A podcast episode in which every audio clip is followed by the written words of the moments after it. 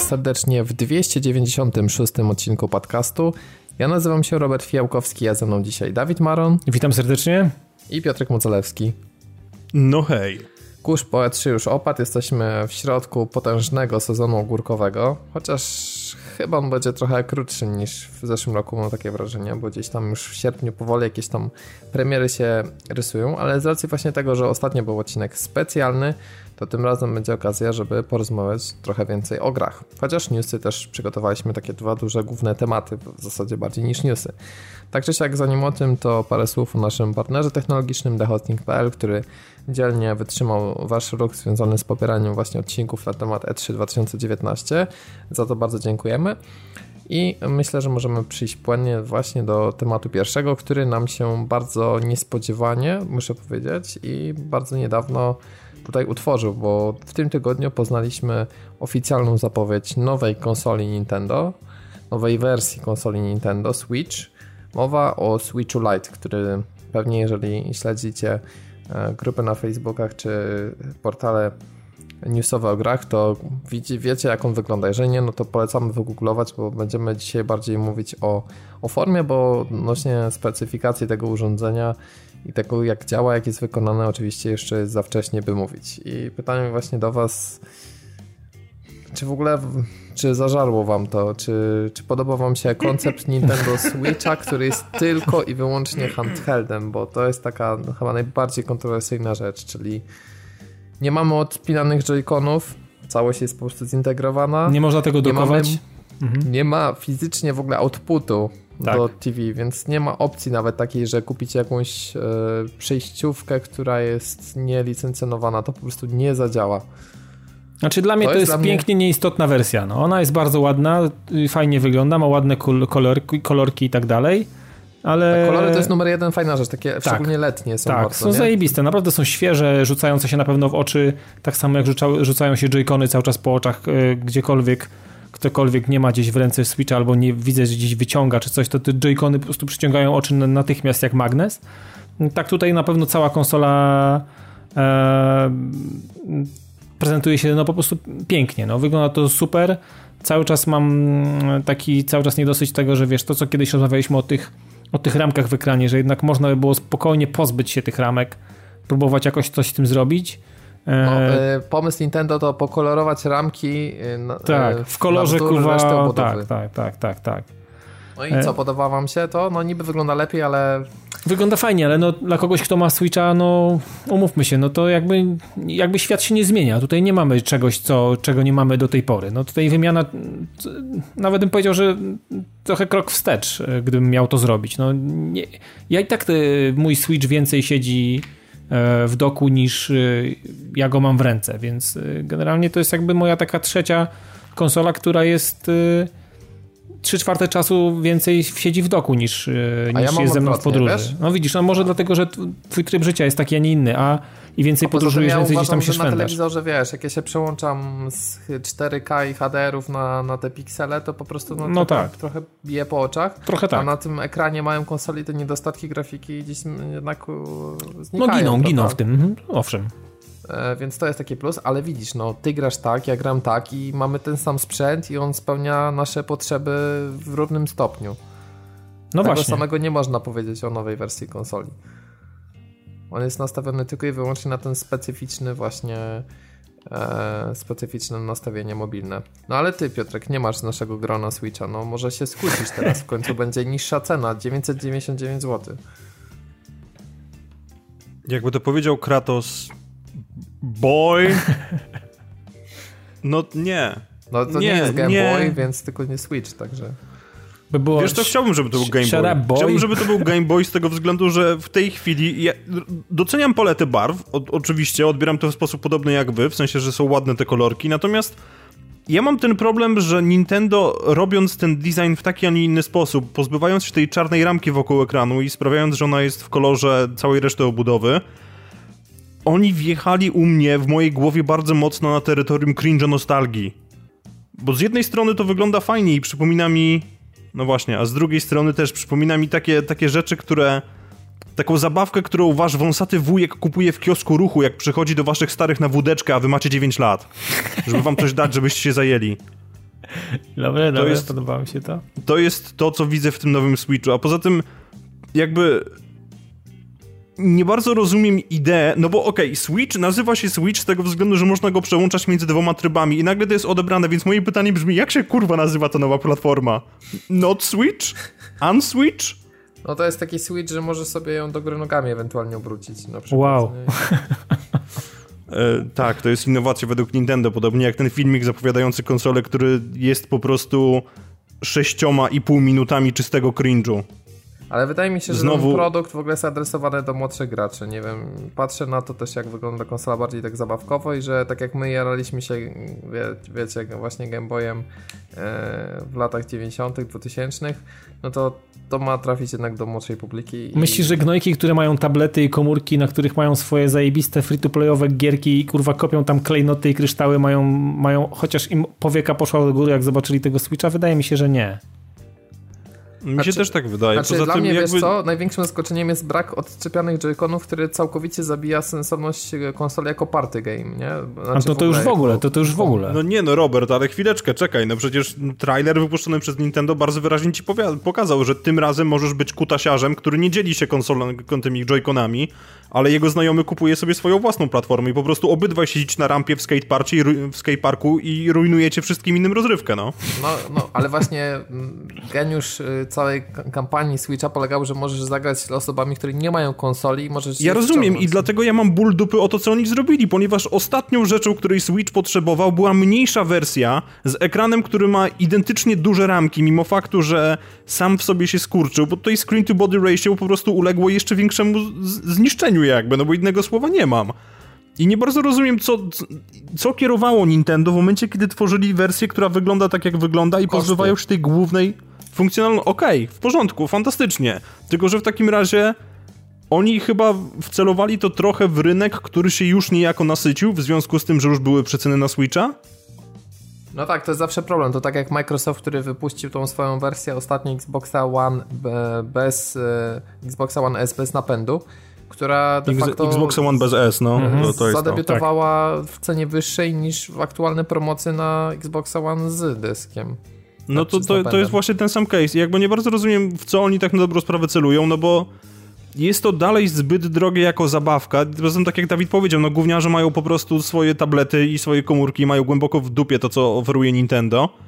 Więc na, naprawdę nie wiem, co oni za bardzo myśleli, ponieważ to, to nie jest wersja, której Switch potrzebował. Switch potrzebował czegoś, co było mocniejsze a nie mniejsze i pozbawione funkcjonalności, która sprawia, że Switch jest atrakcyjną konsolą, bo możesz ją wsadzić do torby i, i będziesz mógł sobie zrobić po prostu party game. Ja nie rozumiem, dlaczego oni po prostu nie wykorzystali tego potencjału, który inaczej. Dlaczego nie ma reklamy, która by pokazywała właśnie taką aktywność, jak ja ostatnio miałem ze znajomymi na imprezie, gdzie po prostu wchodziliśmy Switcha i robiliśmy sobie regularną rozpierdalankę e, w Smashu i nie zrobisz tego z tą nową platformą, no bo jak? Każdy przyniesie swojego Switcha na, na, na, na imprezę, no to już takie trochę no wiesz, Wszystko no tak, to, co mi... było fajne w Switchu, tutaj tego nie ma, o i tak bym to no powiedział. No właśnie, mi na przykład, wie, i to działało jako sprzedawanie platformy, no mi sprzedało trochę kumpel platformę, gdzie graliśmy sobie w Mario Karta 8, gdzie ja nie miałem konsoli i się okazało, że można mega fajnie mieć lokalnego koopa przy przynośnej konsoli na te dwa joycony i że to działa super. E, a teraz tego nie ma. Właśnie jeszcze o tych rozmiarach, to tak żebyście mogli sobie mniej więcej wyobrazić, jak macie regularnego Switcha i wyciągnęlibyście jednego Joy-Cona z jednej strony, to ten nowy Switch to mniej więcej tyle by zajął. Czyli tak, ja widziałem taką grafikę założone jakby dwie konsole na, na w jednym, jakby wiesz, taki kolaż. Tak. I, i, i tak. to dokładnie widać. Ona też jest tak. troszeczkę jakby niższa też widziałem, że ona... Jest niższa i ma też mniejszy ekran, bo 6,2 mhm. cala to jest ekran e, tego regularnego Switcha, a ten ma 5,5 cala i powiem szczerze, że to nie wiem ile Vita miała, 5 cali, 5,5 właśnie też. Vita miała 5. 5. No to to jest, no ale wiecie, no który to był rok, prawda? No to jednak kurczę już prawie... No już pomijam fakt, że miała 5-calowego owszem, ale OLEDa. No tak. Więc... No, a tutaj ponownie mamy, mamy technologię LCD, która jednak no, no i powiecie, nie. to okej, okay, to w takim razie, skoro Nintendo robi już taką typowo przenośną konsolę, no to może w środku będzie taka bateria, że faktycznie będzie większy sens, bo to jest największa bolączka Switcha, że on ma kiepską jakościowo baterię i często już jakby szybko jej e, jakby pełne parametry ulegają pogorszeniu, no ale z drugiej i też trzyma no 2,5 godziny przy niektórych grach. No, a tu mamy sytuację taką, że o pół godziny możemy się przy tych najbardziej, mm, najbardziej wymagających grach spodziewać ulepszenia. Tak 3 do 7 godzin, w zależności od gry i uważam, że to jest Ale co, pół godziny dłużej w porównaniu do większego Switcha, który ma większy ekran i więcej feature'ów, to, to jest pół godziny różnicy? Tak. To kupcie starego Switcha i powerbanka, będzie lepiej. Zdecydowanie. No, no tak, dokładnie. No, uważam, że nie ma sensu. Ja bym mógł się zastanowić właśnie grając głównie mobilnie nad jakąś zmianą, gdyby tam był mocniejszy chip i jednocześnie bardziej energooszczędny i większa bateria, w związku z czym na przykład byłaby 5 godzin zamiast 3, no to, czy 6 godzin, no to byłoby coś, co można rozważyć, tak? Ale no w tej sytuacji tam mam wrażenie, że to jest produkt spóźniony. Ja bym zrozumiał, gdyby na starcie były na przykład dwie wersje do wyboru. Coś takiego, nie? Że od razu możesz sobie wybrać, czy chcesz tylko przenośną, czy chcesz mieć produkt jakiś taki ogólnie do wyboru. A tak, no to jest po prostu tylko No tak, wtedy to by miało więcej sensu, ale teraz, teraz to już naprawdę jest... No... Znaczy wiecie co, ja się zastanawiam jeszcze nad jedną rzeczą, czy to jest... Yy to jest jedyne słowo, jedyne, jedyne co chcę wykrzyczeć teraz Nintendo. Trochę liczyłem nie, na to, że, tak. pojawią, że pojawią się jakby dwie koncepcje. Pojawi się właśnie ta koncepcja, ta, ta właśnie tej takiej, można powiedzieć, biedniejszej, lżejszej w odbiorze i, i nie takiej zajebistej, jak ten nasz standardowy, stary pierwowzór Switcha i coś y, dla ludzi, którzy, nie wiem, chcą sobie zupgrade'ować to, co mają, na coś w tym samym koncepcie, w, tej, w tym samym z, odpina, z tą samą możliwością odpinania joyconów, z dokowaniem, ale właśnie z tym środkiem, z tym lepszym ekranem, z tą, z tą, z tą bezramkowością i może lepszymi bebechami z jakiegoś powodu, jeżeli ktoś taką potrzebę ma. Może żeby chociażby grafika była podbita ta rozdzielczość do, do, do jakiejś tam e, wyżej, tak, prawda? No ale trochę mnie zasmucili, że wyszli jakby od tego, od dołu wyszli, a nie, nie, nie wyszli z góry. Ale Zastanawiam nie, się, czy w ogóle... Dawid, oni już zapowiedzieli, że to jest jedyna iteracja Switcha, która zostanie teraz wypuszczona, że nie mają w planach wypuszczania czegokolwiek innego i to mnie bardzo mocno zastanawia, no, no bo jakby... Bo ja wcześniej, wiesz, Switch, dlaczego Switch... o tym mówię, bo wcześniej słyszałem o tym, że, że mają się pojawić jakieś takie, były jakieś takie, wiesz, no bo tak, i tak dalej. Być dwa. Wiesz, miał no, być właśnie, jeden bardziej no przenośny i miał być Switch w, w cudzysłowie Pro, no ale, ale jak widać właśnie do tego osoba, nie dojdzie. Wiecie co, ta osoba, tylko ci przerwę, która powiedziała te plotki, napisała po premierze tego Switcha Lite, że według jej informacji e, Switch Pro dalej jest jakby w planach Nintendo, ale niestety musicie się uzbroić w cierpliwość, ponieważ poczekacie na niego dużo dłużej. Mhm. Okej, okay, i to jest coś, czego też nie rozumiem, bo fajnie, jeżeli oni by zrobili rzeczywiście tą platformę, tylko teraz Switch jest fajny koncepcyjnie, ale jeżeli oni w przyszłym roku chcą zaatakować rynek, który będzie się przygotowywał na uderzenie w postaci nowego Xboxa i PlayStation, to, to im nie wyjdzie.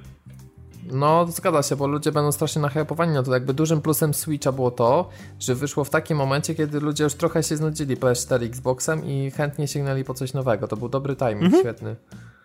A teraz, no, siłą rzeczy nowa wersja konsoli zbiegnie się z premierą nowych, bądź będzie po, kiedy wszyscy będą przeskakiwać na nią, czyli przez znowu 2-3 lata nie będzie dobrego okna dla Switcha i być może dlatego Nintendo właśnie stwierdziło, że nie ma sensu teraz robić tego w tym momencie, na przykład wolą poczekać. Nie wiem, wydaje mi się, że gdyby wypuścili Switcha Pro w tej chwili, to miałoby to na pewno większy sens niż wypuszczanie go w przyszłym roku. Ja wiem, że to są trochę inne targety, bo nie każdy jakby kto gra na, na Xboxie i na PS4 gra też na Nintendo i odwrotnie, ale nie wiem, no moim zdaniem naprawdę to jest w tym momencie po prostu stracona okazja i w przyszłym roku jak wypuszczą, to tylko na tym stracą.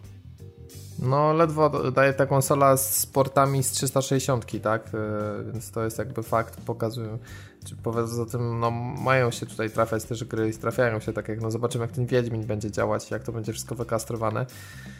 No, ale cóż, no, Switch Pro, myślę, że tym momencie wypuszczony mimo wszystko Piotrek nie spełniłby oczekiwań i nie byłby prawdziwie pro, bo pewnie wrzuciliby coś w stylu Tegry dwójkę i okazałoby się, że po prostu da się trochę podbić rozdzielczość, mieć stabilniejsze FPS i to jest wszystko.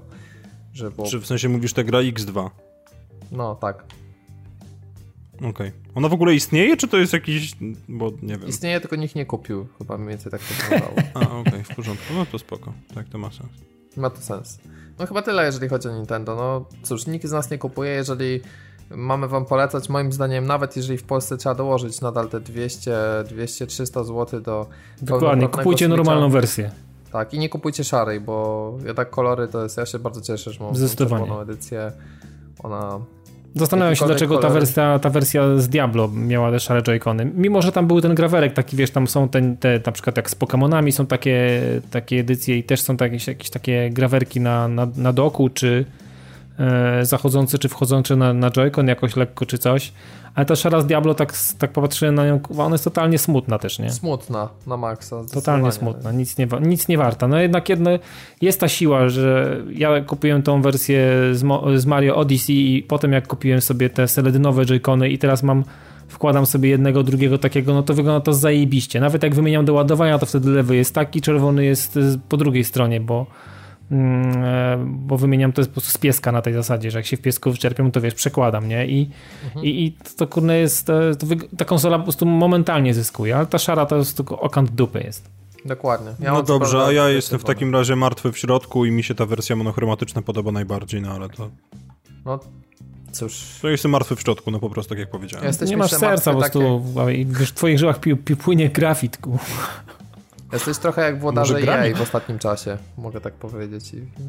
Ponieważ... E, wow. Jak kto? E, jak włodarze EA. O, okej. Okay. Jakiś segway. Dobrze. Promek nie będzie. Znaczy i tak nie było, ale... Znaczy nie było, bo zepsułeś jak zwykle i się wtrąciłeś. No ale to już, to już standard. Spierdalaj. Co? To do psa Otóż, było, tak? Czy... Tak, ak akcje, tak, akcje jej spadają sąsiadów. na łeb na szyję. Nic to jest dziwnego, bo Apex Legends y, już jakby nikomu się nie chce grać w Battle Royale. Znaczy no oczywiście jest grupa wiernych fanów, ale no to nie jest tak, taki hit, że wszyscy w to grają jak na początku się zapowiadało. E, Anthem już nikt nie pamięta, no i się nie wykaraskał z tych wszystkich problemów, można powiedzieć. Battlefield 5, słuchajcie, ostatnio właśnie ja śledzę na YouTubie e, wideo, które tam pokazują, youtuberów, którzy pokazują stan e, tej gry, to ostatnio nowe, nowa fala kontentu spowodowała, że gra jest zepsuta. Na Xboxie One X zalicza straszne dropy framerate'u, e, są problemy z detekcją kolizji, z lagami i po prostu znowu jest nie do grania. No to jest znaczy powiem Ci Robert, ja, ja po każdym patchu wchodzę, patrzę co jest i to już jest od dwóch czy trzech patchy. Zastanawiam się, czy tego nie wypierdolić z dysku, już po prostu mam dość, nie? To jest tak smutne, że taka marka, którą tak lubiliśmy, nie? Która Zakopali to maksymalnie, to jest tak zakopane. Nawet ten Battle Royale, który jest tak spieprzony, tam, tam wszystko jest złe i tam żadnej nauki, żadne, żadnej wizji, żadnej nauki, ani żadnego spostrzeżenia tego, co się dzieje u innych. Kompletny po prostu jakiś dla mnie nie ogarniam. No i w związku z tym właśnie w takie wspaniałe tytuły będziecie mogli zagrać w EA Access, które już 23 lipca trafia na PlayStation 4 i tak a propos złego czasu tego, że Nintendo coś nie wypuszcza, no to trudno mi sobie wyobrazić gorszy fakt, że po trzech latach czy czterech, kiedy to jest na Xboxie, kiedy już nawet ludzie, którzy jakby regularnie subskrybowali, to już nie przedłużają na Xboxie i mają dosyć tej usługi. Tak, ja nie przedłużam już chyba z półtora roku. I teraz nagle triumfalnie po tym czasie Sony mówi, ok, dobra, to wpadajcie, no bo pewnie teraz, wiesz, teraz to jej by musiało zapłacić Sony, żeby ta usługa się pojawiła, a nie odwrotnie. Mam no dokładnie, wrażenie. dokładnie tak. Mm, I to jest po prostu, czy chciałem was zapytać przy tej okazji, czy jest w ogóle właśnie jakaś z gier EA, którą przy okazji na przykład takiego abonamentu na PlayStation 4 chcielibyście ograć? Znaczy, jeżeli ktoś tak... ma PS4, to pewnie mm, to pewnie nie. Bo nie ma wstecznej kompatybilności, więc Dead Space chyba nie wchodzi w grę. No to jest właśnie, to jest to. Bo jeżeli, jeżeli mówimy o EA na Xboxa, to są zasadnicze różnice. Tu mamy jeszcze cały pakiet gier ze wstecznej kompatybilności, którego tutaj nie będzie, więc już w ogóle będzie łyso, kuwa, goło i wesoło, nie? No o dokładnie. tym też trzeba powiedzieć, bo to jest istotna, istotna różnica w, ty, w tych pakietach. A na tych konsolach. cena nie będzie niższa, bo cena, A cena nie będzie niższa, no właśnie. Więc jeżeli chodzi o Dead Space'a na Xboxie One, no to z miłą chęcią do tej gry wróciłem. Natomiast na PS4 takiej możliwości nie będziecie mieli, więc no rów mariański, kurwa, długo, długo nic. No chyba, że ktoś jest fanem z nie wiem... Mass Effecta na przykład i przychodzi po raz kolejny Albo wszystkich sportowych rzeczy. Lubi w hokej, lubi, kurwa, nie wiem, koszykówkę i te wszystkie Robert, nie wiem rzeczy. o co ci chodzi z tą Andromedą. No właśnie, Piotr ja chwilę, też... chwilę przed nagraniem coś mi tutaj tłumaczył, że jest nawet spoko. Ja, ja, no tak, ja, ja zawsze mówiłem, że po 50 godzinie ta gra się nawet rozkręca. Znaczy, Andromeda ma spoko system walki, umówmy się, ale questy, design świata, postaci, edytor, wygląd, dialogi, wszystko jest po prostu złe. Mhm. No, także ten. No, no i no powiedz, że nie. No, Piotrek, ja, może przecież nie przeczę, Nie obronisz no. tego, no właśnie.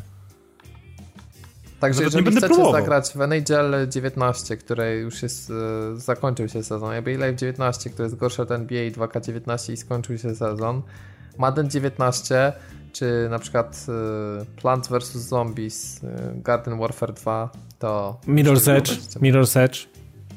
No UFC 3, FE będzie, no to jedyne co jeszcze bym pomyślał to Unravel, FE ograć...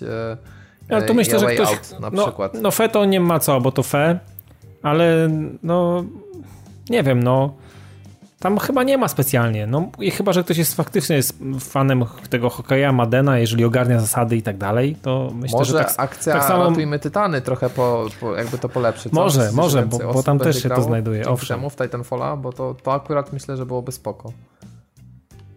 Jedyny plus, jaki widzę dla, dla samego abonamentu. Nie wiem, ja bym się absolutnie nie obraził, gdyby gdyby rzeczywiście Titanfall 2 cokolwiek na tym skorzystał, ale tak abstrahując od tego wszystkiego i wracając do tego, co mówiliście, no to ta usługa nie ma w tym momencie sensu. Jakby nie wiem, może po prostu było tak, że ktoś w Microsoftie usiadł, policzył słupki i powiedział spoko, w tym i w tym momencie kończy się opłacalność tej usługi, powiedzcie jej, że wtedy mogą się dogadać z Sony Sony w tym czasie może trochę zmiękła faja, bo przypominamy, że ich początkowe stanowisko to było, że nasi gracze nie są zadowoleni, nie, nie są zainteresowani usługą tego typu.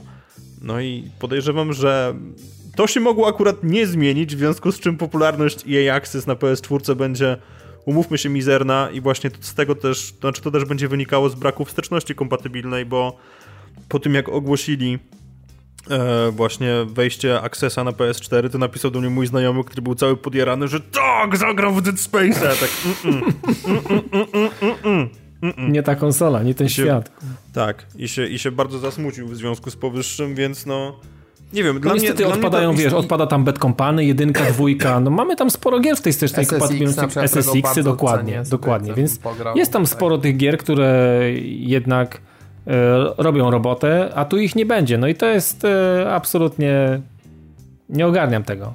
Trochę za późno. Ja, no, ja, ja, ja, też tego nie ogarniam, to jest właśnie ten, to jest ucieleśnienie tego powiedzenia angielskiego too little too late, no dosłownie. No właśnie.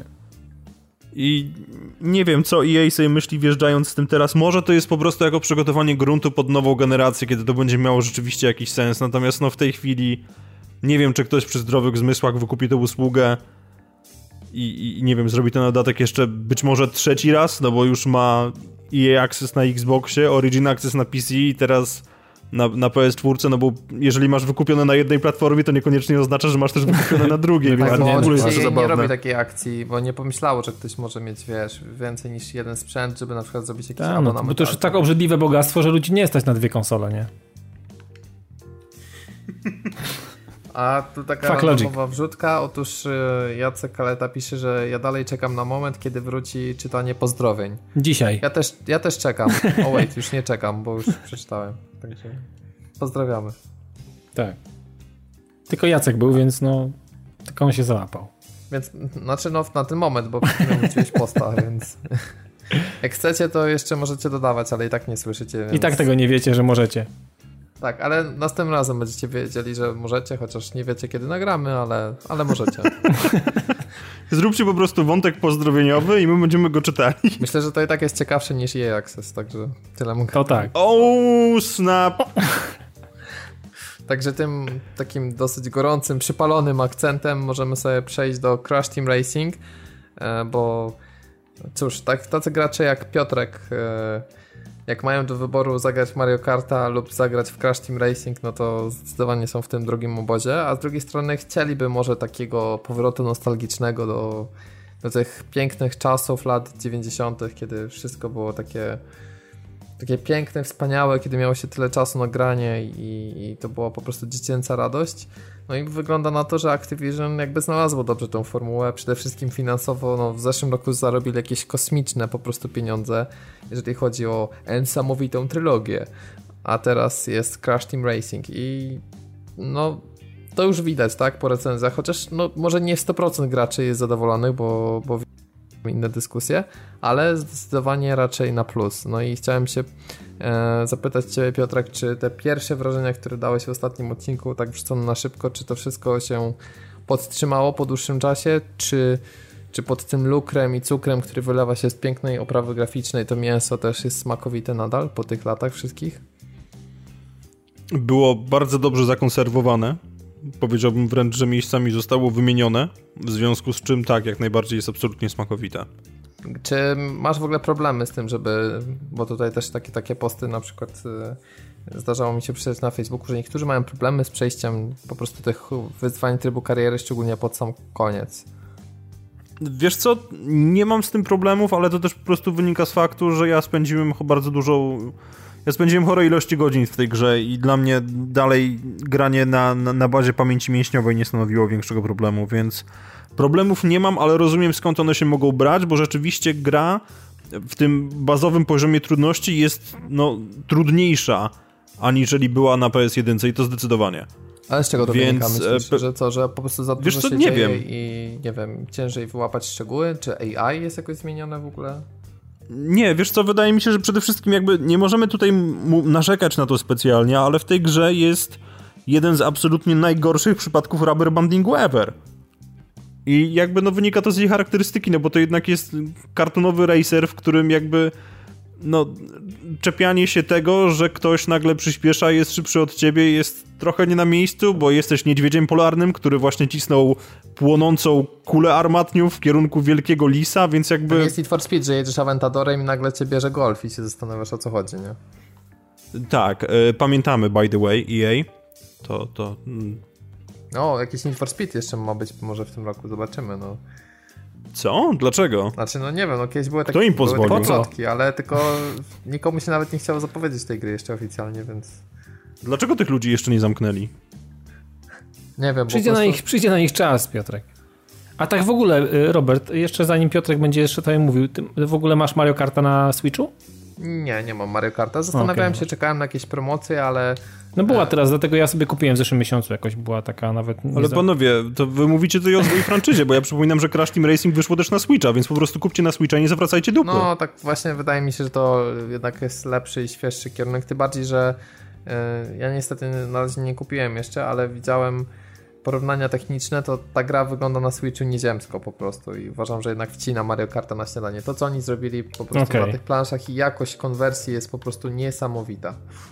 No to no muszę tak, to trzeba też pamiętać o tym, że tutaj jest 30 klatek, a w Mario Karcie jest jednak 60. Tak, tak. Bo I to 30 klatek jest na wszystkich sprzętach, czyli nawet jeżeli mówimy o PS4 Pro, Xbox One X, e, tych mocniejszych konsolach, to niestety jest te 30 klatek. Yep. Czy to cię mocno bije po oczach? No ten motion blur jest sprytny, trzeba powiedzieć, i on jednak dodaje tej dynamiki. Ale... To znaczy, technicznie absolutnie nie mam się za bardzo do czego przyczepić, no bo naprawdę gra się w to wyśmienicie i jakby jedyny problem jest taki, że na PS4, no ale to jest typowa cecha PS4, jest wyjec, no ale to... No to już wiemy wiadomo. wszyscy, no. Tak, jest, jest wyjec, to jest jedna sprawa, a druga jest taka, że niestety, ale zdarzają się miejscami spadki klatek. Mimo wszystko, ja też oglądałem tę analizę Digital Foundry, ale wydaje mi się, że oni też nie mają za bardzo czasu, żeby testować wszystko tak, tak bardzo dogłębnie i przechodzić grę od początku do końca ja jako osoba, która usiadła i w zasadzie jeden wieczór zrobiła całość bazowej kampanii z Crash Team Racing, mogę powiedzieć, że te spadki animacji się zdarzają. Nie wiem. Może to jest też kwestia tego, że konsola po prostu działała dość długo i już trochę się grzała i tak dalej, i tak dalej, ale jednak te spadki się zdarzają. Niestety. Co jest bardzo przykre, natomiast to jest bardzo sporadyczne i to jest wtedy, kiedy naprawdę na ekranie dzieje się masa rzeczy, jest sporo efektów alfy i tak dalej, i tak dalej, czyli typowa bolączka PS4 i Xboxa Natomiast poza tym naprawdę jest żleta i, i gra się w to absolutnie przesympatycznie. Trochę mnie boli to, że jest tak bardzo spłycona kustomizacja tego całego karta i tak dalej, no bo jakby nie możemy sobie zmieniać postaci, możemy tylko zmieniać samochód, pod, który pod nią jest. I ja rozumiem, że to jest remaster łamane na remake, ale tutaj niestety trochę widać wiek tego wszystkiego, bo mimo faktu, że oni dorzucili te kosmetyczne zmiany, no to tak jak mówię, one są stricte kosmetyczne i fajnie by było, żeby poszli trochę bardziej w kierunku formuły Mario Karta, gdzie jednak e, to, to, to kart definiuje jakby charakterystykę jego prowadzenia, a nie postać, no bo postać, którą mi się najlepiej osobiście jeździło, z którą e, mam najmil, najmilsze wspomnienia, to jest Polar, to jest taki mały miś polarny, który niestety należy do kategorii beginner, i w tym wypadku no niekoniecznie dało radę grać nim na hardzie. Mhm. Jasne, no. Więc fajnie by było, gdyby właśnie staty, staty, staty twojego pojazdu były uzależnione de facto od niego, a nie od postaci, którą jeździsz, no ale to jest jakby kwestia designu z 99 roku i no, jako remake, no to nie za bardzo mogli cokolwiek tutaj No jest tam więcej postaci w ogóle, nie? Bo tam są jeszcze dodane z kolejnych części e, postaci z tego, co kojarzę, więc jest większy wybór niż w tej oryginalnej części 99. Mm, tak, zdecydowanie tam jest trochę więcej tych postaci, natomiast no to, to, co można o nich powiedzieć, no to, że wszystkie są zrobione absolutnie fantastycznie, tylko mi się wydaje, że troszkę, nie wiem, czy zmieniła się charakterystyka dzieci, czy odbiorcy, czy jakkolwiek to nazwać, ale wydaje mi się, że te postaci są troszkę za bardzo e, hiperaktywne. To znaczy, że ADHD Bo... wszystkie mają, tak? O to ci chodzi? Czy... Tak, wszystkie mają centralnie ADHD z tego względu, że w momencie, kiedy jeżdżą na, na, na, na, na torach i tak dalej, to w oryginalnym Crashu, ja rozumiem, że też wynika po prostu z postępu technologicznego, że wtedy nie mieliśmy pamięci, nie było komu przygotować tych animacji i tak dalej, ale one po prostu wszystkie w tej, w tej, w tej iteracji nowej się wiercą tak, jakby miały owsiki w dupie. Bo to jest tak, że, że postać się będzie rozglądała, będzie puszczała kierownicę i tak dalej. I to jest po prostu na jakimś etapie trochę wpiniające, bo rozumiesz, że, że to jest gra, która generalnie rzecz biorąc niesie ze sobą wiadomość o radości i niszczeniu, ale te wieczne rozglądanie się na boki, wydawanie z siebie dźwięków i inne tego typu, no to jest trochę takie kierowane po prostu pod pokolenie Minecrafta. Jasne, rozumiem. Ale wiesz, ja tak jeszcze chciałem nawiązać do tego poziomu trudności. Pytanie, czy to właśnie, czy gra jest faktycznie trudniejsza, czy to jakby wiesz, też... Yy a może ten element losowości w jakiś sposób tu wpływa? Tu jak, jak, dużo zależy tak naprawdę od ciebie i od twojego skilla, a, a nie od tego... Trochę wiesz, to też jest kwestia przyzwyczajenia, odzwyczajenia od y, gier, designu gier pochodzących z lat 90., bo to też, też... Ale nie, nie, nie, wiesz co, bo ja dla porównania ściągnąłem sobie po prostu oryginalnego CTR-a na Vita i tam sytuacja wygląda kompletnie inaczej, bo jakby ja ze swoim zestawem umiejętności jestem w stanie i tu, i tu ludzi zdublować, w sensie oponentów, Natomiast jechanie tak na chillu po prostu, tak jak się nie koncentrujesz na tym specjalnie, to w nowszej odsłonie dostajesz o wiele częściej w dupę. Oni są po prostu szybsi, sprawniejsi, lepiej biorą zakręty, rzadziej wypadają. Czyli jednak poprawione są bardziej wychodzi na to. Tak, są bardziej precyzyjniejsi, jeżeli chodzi o używanie dopałek i tak dalej, więc no jakby po prostu jest, jest zmienione AI i to może trochę negatywnie wpływać na odbiór gry, bo ja już miałem takie odczucie po tym pierwszym pokazie, że jest trochę trudniej, natomiast no teraz po prostu się utwierdziłem w przekonaniu, że rzeczywiście tak jest. No to wychodzi na to, że twórcy chcieli, żeby każdy wyścig to taka była wojna i przetrwanie i adrenalina. I jakby to jest taki efekt uboczny, pozytywny, że no bo, no bo wiesz, duplowanie w takiej grze i posiadanie dużej przewagi, no zabiera jednak część fanu. Naj, najlepiej to się wygrywa te wyścigi, gdzie jesteś dosłownie, wiesz, 15 metrów od mety i w tym momencie z drugiego na pierwszy wyprzedzasz i wygrywasz o włos po prostu wyścig. Wiesz co, tak, ale tutaj właśnie problem polega na tym, że formuła tych wyścigów, które są w trybie kariery jest na tyle sztywna i niezmieniona od oryginału, bo tam wszystko się rozgrywało na zasadzie trzech okrążeń. Jeżeli masz tych okrążeń, bo w trybie wolnego wyścigu możesz sobie ustawić, żeby ich było 7, jeżeli masz 7 okrążeń, to masz jakby ten margines na popełnienie błędu, natomiast jeżeli jesteś na wyścigu trzyokrążeniowym i na samym początku dostaniesz w dupę kilkoma dopałkami i zostaniesz zepchnięty na koniec stawki, to musisz restartować. Jakby niezależnie od tego, jakbyś, jakbyś się Aha, no starał, no i tak twoje szanse na wygranie są naprawdę mizerne, bo to AI jest podkręcone na tyle, że one po prostu nie pozwoli ci, żeby cię do, żebyś ich dogonił i, i wszystkich wyprzedził. Czyli nie ma takiego rubber bandingu w drugą stronę, że oni trochę zwalniają, nazwijmy to. Jeżeli jest... Niestety. Jasne, kumam o co chodzi. Może jest, ale na, na easy, na pewno nie na normalu. Czy jeszcze coś chciałbyś uzupełnić na temat gry, o co nie zapytałem? E, przyznam się szczerze, że jeszcze nie ruszyłem trybu multiplayer, ponieważ ostatnio grałem po prostu w trochę inne gry i nie bardzo miałem czas, żeby usiąść do Crasha. Natomiast zdecydowanie jeszcze rzucę na to okiem i dam znać, ale z tego co słyszałem, no to odczucia są bardzo pozytywne. I Choć były problemy i były też problemy ze save'ami, ale na szczęście ostatnio jakoś w zeszłym tygodniu, czy, czy nawet w tym tygodniu jak to nagrywamy, e, wyszedł patch, który ten problem ma całkowicie wyeliminować. Bo to taki dosyć... Okej, okay, no to dobrze wiedzieć, że były w takim razie problemy, bo mnie one kompletnie ominęły i nawet o tym nie wiedziałem. Hashtag u mnie działa ale jeżeli zostały wyeliminowane, no to tylko chwała im za to, że, że post-launch support dał radę. Też, bo przynajmniej nie stracicie postępu, a to jednak ważne w takiej grze. My, ty, si. Dawidzie, chętnie byś na to się skusił? No w sumie jak kupiłeś Mario Karta, to pewnie trochę miałbyś przesyt być może, wiesz, tego typu gatunkowy. A wiesz co, ja tego Mario Karta też tak niespecjalnie katuję. To nie jest też tak, że kupiłem Mario Karta i po prostu, wiesz, umarłem tam na, na 100 godzin. To też, to, to, to też nie jest tak, ale... Yy Wiesz co, patrzyłem, zastanawiałem się, czy, czy sobie tego nie, po prostu nie wciągnąć y, po prostu od tak, żeby to sprawdzić, bo to też nie kosztuje jakiś milion monet i, y, i, i zastanawiałem się tylko nad platformą, bo wiem, że to jest wszędzie, ale tak naprawdę to nawet nie widzę, żeby mm, na Xboxie to chyba gra tylko Tomek, z grupy, z tego co widziałem. Nikt, nie widziałem też, jakby, nie wiem, widzę, że ludzie w to nie grają. Nie wiem, czy miałbym z kim, z kim polatać ze znajomych i raczej jakby no i tak grać po prostu, żeby grać samemu, no pewnie można, no ale nie wiem, Piotr grałeś z kimś multi, wiesz jak to, jak to, jak to działa? Sprawdzałeś ten, ten aspekt? Nie słuchałeś mnie, nie słuchałeś mnie, powiedziałem przed chwilą, że nie grałem w A, okej. Okay to gdzieś mi tąknęło. Jedyne co tutaj ewentualnie jest bardzo fajnym featurem, którego dopiero po zagraniu w tą grę wiem po prostu już dobitnie, jak bardzo mi go brakuje w grach wyścigowych, no to jest split screen. A, no właśnie. No to jest Bo co by nie mówić, jednak kanapowe granie, kanapowe granie w tego typu grę, gdzie możesz jeszcze komuś wyjechać z łokcia w momencie, kiedy cię wyprzedzi, bo rzeczywiście jest fizycznie obok, no to to jest naprawdę nieziemski fan i strasznie tego no, brakuje w, Ale to jest dla mnie szok, faktycznie, no chyba największy minus. A oryginalny miał Crash? Yy... Znaczy, jak to minus? No, że nie, no, no minus, że nie ma split screena. Nie, no jest split screen, właśnie o tym A, mówię, okay. że to mi uświadomiło, jak bardzo go brakuje w innych grach. A, o to, o to ja mi chodziło. Przepraszam, może źle powiedziałem. To ja też, też, też nie zrozumiałem. w szoku, nie? Bo przecież... To pardon. No, jasne, jasne. Nie, nie, jest, jest tryb battle dla czterech osób, jest normalnie split screen czteroosobowy, więc naprawdę pod tym kątem jest, jest fantastycznie i nie ma absolutnie nic do, do zarzucenia. No to typowo właśnie chyba najlepsze multi do tej gry, jakie sobie można wymyślić, to kanapowe zdecydowanie. Także w tego typu multi grałem i zdecydowanie nie nazywam się Frączewski, ale zapraszam i polecam, bo jest naprawdę spoko. E, no i tak no, ptaszki ćwierkają, że e, zagrałeś też w ostatni dodatek do Forza Horizon, który to był zapowiedziany przy okazji targu właśnie E3 i o tym rozmawialiśmy w poprzednim odcinku. Ja muszę powiedzieć, że ten koncept mi się wyglądał strasznie dziwny, głównie z tego względu, że widziałem tam mieszankę samochodów tych prawdziwych, to znaczy tych Forzy normalnej właśnie z tymi odpowiednikami Lego i chociaż te odpowiedniki Lego wyglądają super, ale sam fakt, że te wyścigi się jakby jednocześnie rozgrywają był taki, że po prostu, no nie wiem, miałem wrażenie, że za dużo się tam dzieje i Miałeś dysonans. Totalny dysonans i być może to tylko była magia montażu, i takie od razu moje właśnie pierwsze pytanie jest, czy jak grasz w dodatek Lego, to tam się ścigasz z prawdziwymi samochodami, czy wszystko jest przerobione na wersję Lego faktycznie? Mam dla ciebie złą wiadomość. O, tak myślałem, czyli 2 na 10 nie kupuję.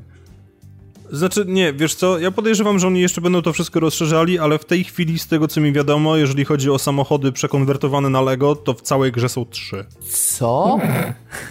I shit you not. Jest Mini Cooper, jest Ferrari F40 LM i jest McLaren P1. Nie no, to wszystko e, wyglądało Sena. mega w zwiastunie, ale ja byłem przekonany, że oni tam właśnie, bo wszystkie te trzy pokazali, jak pamiętam na E3. Ja byłem przekonany, że chodziło właśnie o to, że no wiesz, no teasują, tak? Pokazują trzy, ale są myślę, no z 15, 20 wrzucą. No nie spodziewałem się 200, ale no trzy.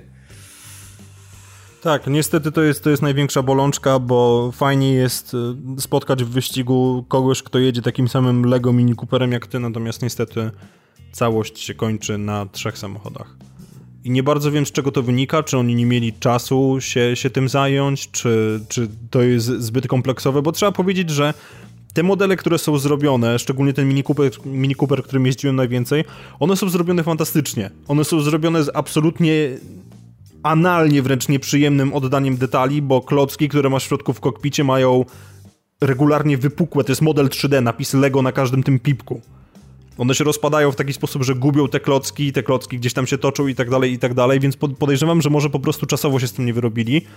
Co nie zmienia faktu, że ja na, na ich miejscu bym po prostu opóźnił premierę i wypuścił tych samochodów jednak trochę więcej, bo jak się nawet spojrzy na te samochody Lego, które są dostępne normalnie w sklepach jako modele, to jest, jest cała masa Porsche, jest Bugatti no, Chiron. No, jest, obłędny no, jest ten Chiron po prostu, nie? Jak ja widziałem. Tak, ale jest tego zdecydowanie więcej. Natomiast tutaj mówię, są trzy samochody i to pozostawia po prostu taki straszny niedosyt, no bo dostajesz, dostajesz naprawdę kawałek zajebistego deseru, po czym się okazuje, że to jest wszystko, że już więcej tego nie ma. To jest tak jakbyś zapłacił za tego Macronsa tam jakieś 5 euro czy coś za jednego i był fantastyczny, ale nie masz więcej. Znaczy wiesz, gdyby to na przykład nazwali Forza Horizon Lego jakiś tam Episode 1 i wyraźnie powiedzieli, potwierdzili, że to jest po prostu pierwsza część DLC. E, kolejna będzie e, niedługo, będzie na przykład 5 nowych samochodów. E, także grajcie sobie już w to, chcieliśmy wam szybciej to dorzucić. Nie wiem, w tym roku jeszcze na jesień wyjdzie kolejna edycja. Super, ale ja nie jestem przekonany, że w ogóle rozwiną ten koncept.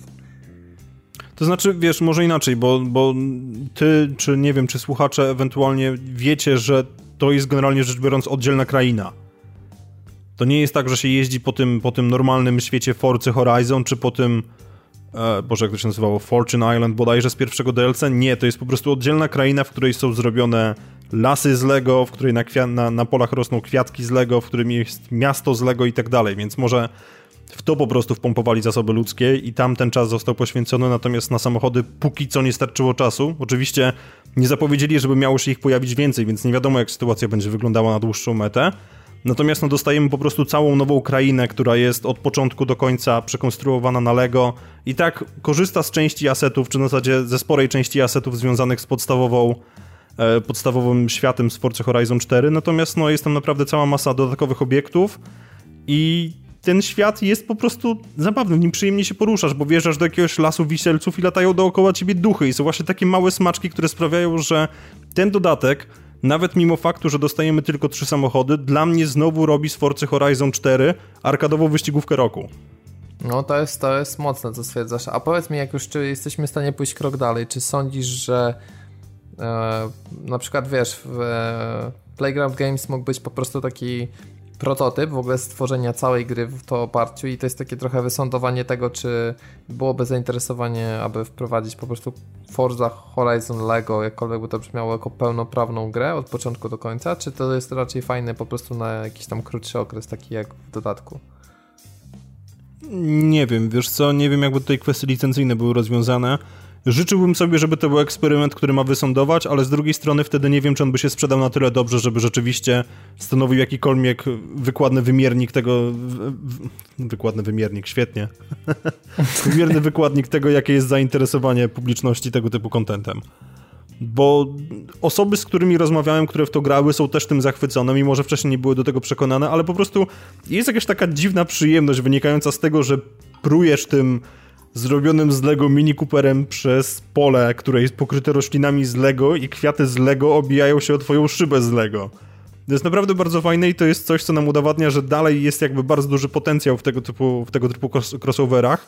Tylko szkoda, że nie zabrali tego po prostu o krok dalej, no bo tak jak mówię, jest tego najzwyczajniej w świecie za mało. Te samochody też można w pewnym sensie tuningować, ale to są zmiany po prostu czysto mechaniczne, nazwijmy to, i one się dokonują pod maską, więc nie za bardzo widzimy, no bo nie zmienimy sobie felgi przecież w Lego byłoby to dość trudne. Więc to jest dodatek, który pozostawia bardzo dużo niedosytu, ale też z drugiej strony właśnie on trochę modyfikuje gameplay i tak jak mówię, pcha to w kierunku takiego czystego arkadowego fanu, bo nagle są rampy, na których dostajesz magicznego przyspieszenia w momencie, kiedy skaczesz, są te fruwające duchy, są części pustyni, na których w ogóle przylatuje UFO, więc no to zmienia charakter samej gry. To fajnie, że ale niestety... dalej, bo gdyby zrobili tylko reskin w Lego, to by po prostu w ten sposób nie ten, już no nie zażarło na pewno, nie? No, masz pewnie rację, natomiast no, jest mi po prostu przykro, że jest tego tak mało. Bo owszem, nowa kraina, nowe eventy, inne tego typu pierdoły, ale tych samochodów najzwyczajniej w świecie po prostu brakuje. I to jest, to jest główna bolączka tego dodatku. Ja prawdę powiedziawszy, myślałem, że go w ogóle nie kupię. I dopiero w momencie, kiedy uświadomiłem sobie, że ja zwykłą edycję Forzy podbiłem do tej Ultimate czy jakkolwiek i mam to de facto kupione w ramach Season Passa, to wtedy się ucieszyłem i w to zagrałem, bo podejrzewam, że gdybym miał dać za to stówę, szczególnie wiedząc, że no. są tylko że są tylko trzy samochody, to zastanowiłbym się naprawdę porządnie nad tym. No, no to nieźle. Dobra rekomendacja. No. Znaczy ja na materiałach widziałem, mi się to bardzo podobało. Zastanawiałem się nawet, czy jakoś w to sobie nie wejść, bo samej Forsy specjalnie nie lubię, ale chciałem zobaczyć właśnie jak, jak wygląda chociażby ten, ten, ten wycinek, można powiedzieć. Ale w, w, takim, w takim razie to ja sobie to daruję. Ale oni mogli kurczę zrobić, gdyby było więcej samochodów, taki samodzielny dodatek, że nawet można to kupić, jeżeli nie ma się podstawowej Forzy i na przykład do Game Passa mogło wlecieć, to też byłoby bardzo przyjemne. Właśnie no dla mogło, takich to... osób, które niekoniecznie lubią taką pełnoprawną, poważną Forzę, a tu mogłyby skoczyć. Tam jest jakiś aspekt No tak, tylko że to, jest, nie? To, nie, to nie istnieje. Tak, to dalej po prostu są porozwijane te tryby, które były w podstawowej wersji Forza Horizon, natomiast no nie wiem, czy jest cokolwiek takiego specjalnie stworzonego stricte pod ten dodatek, ale to, o czym mówisz, Robert, niestety byłoby niemożliwe, bo i, i tak by się to wiązało po prostu z horrendalnym downloadem całości gry. Bo jakby ta gra, te, te, ta kraina LEGO też korzysta z bardzo dużej części asetów związanych z, z podstawką, do tego wszystkiego też cały garaż samochodów, który masz normalnie dostępny w grze, jest dostępny w tym dodatku, tylko że masz dorzuconą tą te trzy smutne modele Lego na jakby na szczycie tego, tego wszystkiego. nie rozumiem. I... Jechanie, z, tak jak ci mówię, tymi wiesz, normalnymi samochodami po krainie Lego to jest dla mnie poroniony pomysł akurat. Albo to głupie, strasznie, no. Wszystko Lego, albo dysonans po prostu mi rozpierdziela gałki oczne i ja się czuję dziwnie co najmniej. Ja jestem w stanie to zrozumieć, ale to nie zmienia faktu, że bawiłem się bardzo dobrze. To jest trochę tak, jakbyś był niekomfortowo pijany. Jest ci dobrze, ale też nie do końca. No, to jest piękne, piękne podsumowanie. Jestem ciekawy, czy takie same uczucie towarzyszyło Dawidowi, kiedy grał w Void Bastards, który ma tutaj taki dopisek, że aż boję się głośno go przeczytać. Możesz, ci co grają w tego typu gry będą rozumieli i ci co grali w Void Bastard na pewno to potwierdzą. Zresztą oceny no. mówią same za siebie. No właśnie, no bo w tym roku nie dostaliśmy aż tak tylu głośnych rogalików, może co w latach poprzednich, a To znaczy powiem tak, jeżeli chodzi o rogaliki, mocne, to ja ostatnio bardzo dobrze bawiłem się w, w, dwóch. Jeden to był przede wszystkim Zigurat, który, o którym zresztą też mówiliśmy na, na pewno na podcaście dawno, dawno Pamiętam, temu, bo ta, ta, tak, ta, ta gra miała premierę. Zresztą teraz miała premierę na Switchu, więc jak ktoś nie grał w Zigurat, a ma Switcha, to może sobie kupić na, na Switchu, bo pojawiła się w tym tygodniu przy okazji, tak można powiedzieć, jakiś tam premier pojawił się też Zigurat na Switcha, więc można za 6 dych bodajże wciągnąć e, bardzo fajną grę dopracowaną e, i, i, i to jest świetny rogali, który no, na pewno znudzi się później niż znaczy inaczej, jest, wymaga więcej czasu, żeby go sobie wymaksować. Void Bastards jednak nie jest nastawiony na E, na tak długą rozgrywkę, jak wydawałoby się. Natomiast można powiedzieć, że za chwilę tutaj e, twórcy już zapowiedzieli na, na, na początku lipca dodatek z challenge'ami i z jakimiś tam dodatkami, bo okazuje się, że ludzie, tak jak ja, rzucili się na Void Bastards i po prostu wpakowali tam po prostu chore ilości godzin i przez dwie, dwa tygodnie nie grali nic innego i po prostu grę ukończyli. E, plus porobili wszystko, co było do porobienia w tej grze. E, no i mi teraz pozostały ewentualnie jakieś kończenia na różnych trybach e, z różnymi tam modyfikatorami, typu coś ale jak w Xcomie, jak e, Iron Man, że przejść grę bez, bez śmierci i tak dalej, więc no jakieś tam takie głupoty, ale jakby specjalnie do tego nie będę siadał. Ale o czym jest Void Bastards? No generalnie jak to w rogaliku. Y, rodzimy się, y, lądujemy w jakiejś tam części przestrzeni kosmicznej, jesteśmy takim wygenerowanym mm, człowiekiem z próbówki przez jakąś sztuczną inteligencję, lądujemy w jakiejś części y, przestrzeni kosmicznej i po prostu poruszamy się po, po losowo wygenerowanej tej przestrzeni, eksplorując konkretne rodzaje statków i tak dalej.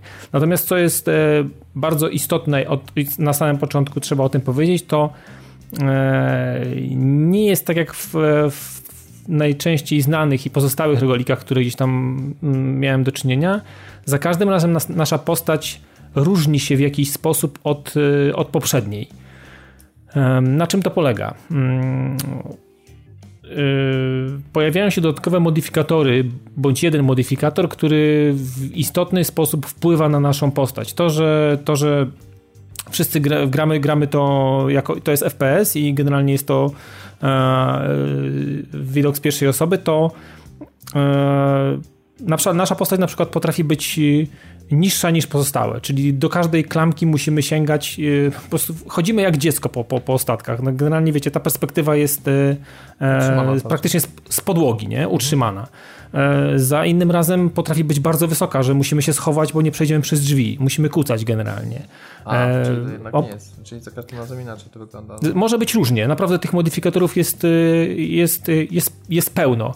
Na przykład y, mm, potrafi na przykład widzieć cały świat na czarno-biało, albo na przykład chodzić co jakiś czas pokasływać, bo na przykład pali papierosy i, i zwracać wtedy na siebie uwagę to tych modyfikatorów naprawdę jest, e, jest sporo i czasami potrafią być e, i są te negatywne i te pozytywne, bo to jakby są dwa rodzaje tych modyfikatorów. Mm, I, ale co jakiś czas w przestrzeni kosmicznej jest taki specjalny statek medyczny, który ma na swoim mm, na swoim terenie taką maszynę, gdzie możemy dany modyfikator albo się go pozbyć i dostać w zamian, w zamian jakiś inny, o który, ale nie wiemy jaki jest to losowo, losowo generowany modyfikator. Mm, I, I, możemy taką decyzję sobie podjąć, no, natomiast jest to, jest to losowe i czasami możemy dostać coś, coś gorszego na przykład e, I, i, i to wtedy jest takie trochę taka, taka loteria. Natomiast o co chodzi w grze? No, jak już się wygeneruje ta nasza postać i, i czasami jest tak, że trafi się naprawdę fajna, na przykład ma dużo więcej życia niż pozostałe, albo na przykład wszystkie strzały z broni są od razu e, traktowane jako strzały krytyczne, więc bardzo szybko ubijamy tych Mm, tych gnojków, którzy biegają po, po, po statkach, to wtedy taką postacią się gra bardzo fajnie. E, I, I, zawsze było mi szkoda, gdy z jakiegoś powodu ta postać mi zginęła. No i generalnie szansa, że ona się znowu wygeneruje taka sama, no jest praktycznie niemożliwa, bo, bo, bo mówię, no tych modyfikatorów jest bardzo dużo i, i, i oprócz tego jeszcze ta wysokość postaci, więc no kombinacji jest milion. Ale mm, mamy swój statek. Yy, i generalnie celem, celem, celem naszym i jakby misją w tej przestrzeni kosmicznej jest mm, uciec z układu, który nazywa się Nebula. No i ten układ przestrzeni kosmicznej składa się jakby z takich czterech warstw. Mm, standardowo zaczynamy na pierwszej i generalnie tam wchodzimy jakby zdobywamy mm, jakieś części, które potem wykorzystujemy na stole warsztatowym i ulepszamy swoje wyposażenie. Tych gratów jest naprawdę e, pełno. Mi bardzo dużo czasu zajęło w ogóle, żeby mieć wszystko i poulepszać wszystko, bo nie dość, że mm, jakaś broń jest, mamy ją, to potem można ją na przykład zupgrade'ować do dwa poziomy wyżej. E, nie, ma większe obrażenia albo jeszcze jakiś dodatkowy modyfikator. No i generalnie chodząc po tych wszystkich statkach, różnych rodzajach, są to szpitale, są to jakieś hotele, latające kasyna, mm, e, jakieś statki e, typowo transportowe, albo no, tych statków jest 6 czy 7 rodzajów różnych. I one też generalnie generowane, ich, ich pokład jest generowany losowo. Na dzień dobry, jak dostajemy się do takiego statku, przedstawiana nam jest mapa, no i te statki na pierwszym poziomie tego układu Nebula, one są dosyć małe. One mają są małe, generalnie mają też tych, ci wrogowie, którzy generalnie pojawiają się na, na, na tych statkach, też na początku mm, nie są jacyś specjalnie wymagający, no ale wiadomo, im niżej schodzimy, e, to te statki są większe, e, e, mają więcej tych zagrożeń, potrafi na przykład na niektórych statkach być dużo, dużo ognia. Oczywiście o tym wszystkim się dowiadujemy, wybierając sobie statek, najeżdżając na niego, mamy informację o tym, kto tam może być, kogo możemy tam spotkać i w jakich ilościach, więc to też taka cenna informacja, możemy sobie zdecydować o tym, jak nasza podróż przez układ będzie wyglądała i co chcemy kolejnie, kolejno odwiedzić, bo układ nebuli widzimy e, na, wiecie, na kilka skoków do przodu. E, wiemy, jakie statki spotkają nas po drodze i widzimy tą siatkę połączeń e, między tymi statkami, więc możemy sobie trasę zaplanować do pięciu, sześciu skoków i, i wtedy wybrać ten statek, który nam odpowiada, albo, albo polecieć w to miejsce, które dla nas z jakiegoś powodu jest ważne, bo na przykład potrzebujemy pożywienia, bo każdy skok wymaga paliwa i pożywienia dla naszego, dla naszego człowieka z próbówki. No i generalnie e, na tym polega cała zabawa. Jest jeszcze dodatkowo cel misji, e, taki główny. Zbieramy konkretne, konkretne komponenty potrzebne dla naszego statku, żeby móc e, przedostawać się jakby te poziomy niżej. I to jest bardzo fajnie zrobione, bo to za każdym razem, jak skończymy eksplorację statku, mamy swój stół warsztatowy, i widzimy tam, możemy sobie zaznaczyć rzeczy, których chcemy szukać. E, I wtedy nam się na mapie pojawiają takie znaczniki, na którym statku możemy znaleźć konkretne komponenty albo konkretne rzeczy, żeby coś zbudować. Więc możemy sobie takie markery postawić, czego chcemy szukać, i, i, i to nam się podświetla w takiej, w takiej zielonej, w takim zielonym markerze. A główny cel misji widzimy zawsze i on po prostu nas prowadzi gdzieś tam, ale do, do, tego, do tego elementu jest zawsze daleka droga i, i tych skoków trzeba wykonać yy, z reguły kilka albo kilkanaście. Nie widzimy tego od razu na, na, na mapie. No i generalnie powiem wam, że tak sobie myślę, no fajny rogalik, będę sobie skakał, będę sobie latał, kilka razy umarłem, wszystko jest w takiej fajnej oprawie komiksowej, bo tutaj trzeba powiedzieć no Właśnie, przede wszystkim, to, że... To wygląda niesamowicie, nieziemsko. To wygląda tak zajebiście.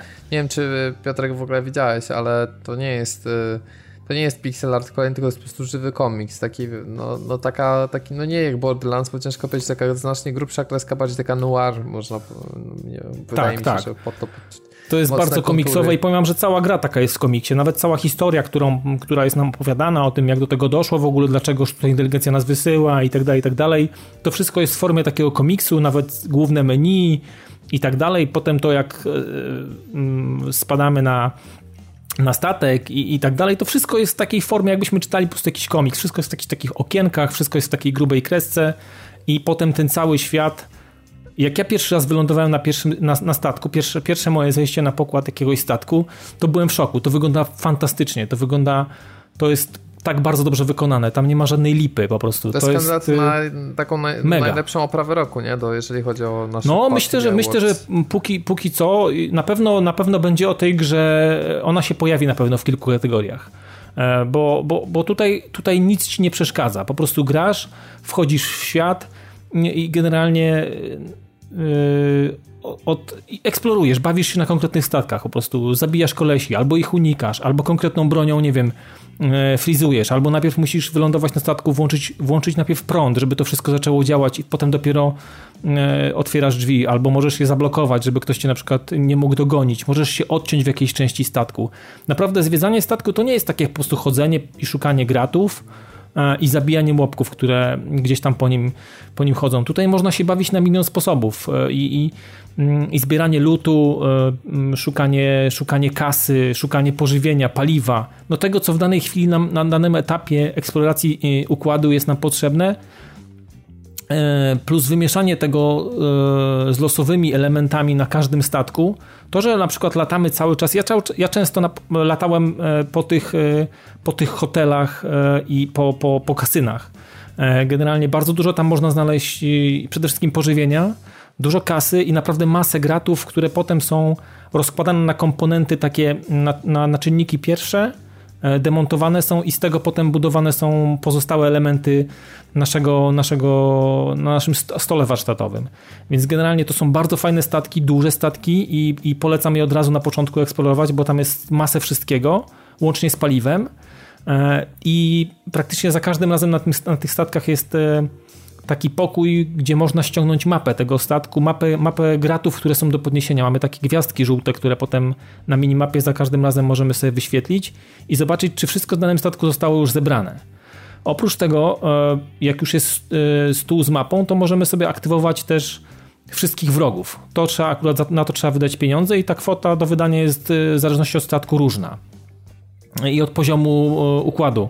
Na, na tym najniższym poziomie, na czwartym poziomie Nebuli, to bardzo wszystko jest drogie aktywacja i, i, jakieś wykupywanie torped, czy walka z piratami później, to są już bardzo ciężkie tematy i naprawdę trzeba się do tego mocno przygotować, więc Mm, namawiałbym do tego, żeby mm, za pierwszym, drugim kilka tych, tych, tych żyć jednak przesiedzieć trochę w tym pierwszym, drugim układzie, tam sobie po, po, pozbierać y, trochę fantów, przygotować się do tego, bo potem w trzecim, w czwartym będzie bardzo trudno, więc a wiadomo, śmierć, no tracimy bohatera naszego, natomiast wszystkie rzeczy, które nam się, nam się udało zebrać, znaczy wybudować, wytworzyć, zostają z nami na, na, na później. Więc kolejny bohater startuje już z pewnym jakby takim bagażem mm, wypracowanym przez poprzedników. Natomiast traci się wszystko, co miał poprzednik w postaci żarcia, paliwa, e, to wszystko przepada. Jakby no znowu mamy tylko. tak, mamy typowo, typowo rogalikowe. Mamy, mamy, mamy znowu tylko 3 albo 5 kanapek, w zależności od tego, co sobie ulepszymy. Mamy trochę, trochę paliwa na 5 skoków, więc znowu trzeba próbować e, albo wybrać taką ścieżkę, żeby pozbierać paliwo, które jest, czasami leży w układzie bez eksploatacji statku, statku czy kanapki czy jakieś pieniądze, bo czasami też można je znaleźć bez, bez eksploracji statku. No i próbować y, eksplorować na początku, żeby przygotować się na dłuższą wędrówkę. Y, namawiałbym do eksploracji właśnie tych statków różowych, tych kasyn, z hotelami, gdzie nawet są takie bardzo fajne sale, wiecie, z bemarami, takie żarcie tam leży w ogóle pokładane w takiej hali, taki szwedzki stół w ogóle, no świetnie, świetnie porobione to wszystko jest. E, te, te, te, te statki generują się w fantastyczny sposób, to nie jest jakaś takie, wiecie, Ctrl-C, Ctrl-V, żeby to jest wszystko takie za każdym razem to jest podobne oczywiście w stylu, w klimacie, z odpowiednią muzyką i tak dalej. Natomiast e, mm, no za każdym razem jakiś modyfikator jest wprowadzony i, i albo mamy innych wrogów, albo, albo nie wiem, mamy jakieś inne zagrożenie na tym statku, albo na przykład nie ma w ogóle na nim światła i trzeba, i widzimy tylko na, na bardzo krótki, e, na krótką odległość. No naprawdę tutaj ja wpakowałem dobre 20 albo 30 godzin w to, i absolutnie nie czułem jakiegoś znużenia i teraz czekam znowu, znaczy ta gra mi się po prostu za szybko skończyła, mi się ta zabawa z tą grą. Trochę żałuję, że już nie mam za bardzo co w niej robić i znalazłem wszystko, co miałem znaleźć i ulepszyłem wszystko, co miałem ulepszyć i teraz czekam na kolejne dodatki. Mam nadzieję, że to będzie może przyszły tydzień albo, albo może jeszcze jutro, nie wiem, zobaczymy. Ta gra jakby miała proceduralnie generowane, nie? Te statki i wszystko, to by pewnie trochę przedłużyło, albo taki tryb endless jakiś, który by dawał No właśnie, bo oni mają teraz zapowiedzieli, że będą jakieś challenge. One się, tak, ten dodatek się już pojawił na Steamie, on jeszcze na, na, na Xboxa nie wszedł, bo ta gra na razie jest tylko na Xboxa. Ona się pojawiła w ogóle w, w Game Passie, więc y, nie trzeba było nawet jej kupować. Tak, ona I to jest też tylko na Steamie i na Xboxie w tej chwili, nie ma tak, jej na PS4. Tak, nie ma jej ani na PS4, ani na Switchu jej nie ma, więc generalnie no powiem że dla mnie totalne zaskoczenie i jestem aż szokowany, że, yy, że to kolejna gra, o której nic, mało kto cokolwiek wiedział i tu nagle okazuje się, że taki killer w ogóle gameplayowo jest absolutnie miód. Yy, no i dla mnie jedna z najlepszych gier póki co tego roku. Absolutnie jestem z pozytywnie zaskoczony i zachęcam każdego. A już dla fanów rogalików to w ogóle nie ma o czym, nie ma w ogóle gadki. To jest must have. Jeden z rogalik, jeden z lepszych rogalików ostatnich lat w ogóle. Wow.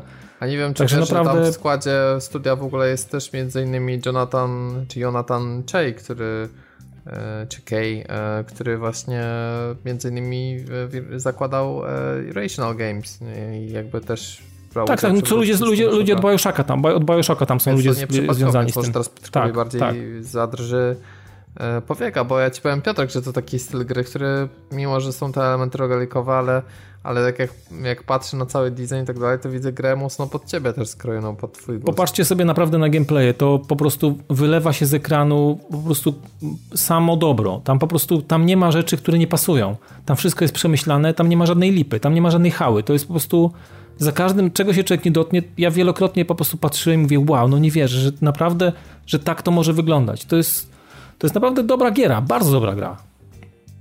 Właśnie też staram się przeczytać, e, czy w tym roku w ogóle gra ma szansę trafić na e, Z tego, co PS4. widziałem na Switcha, mówi na Twitterze, że nie.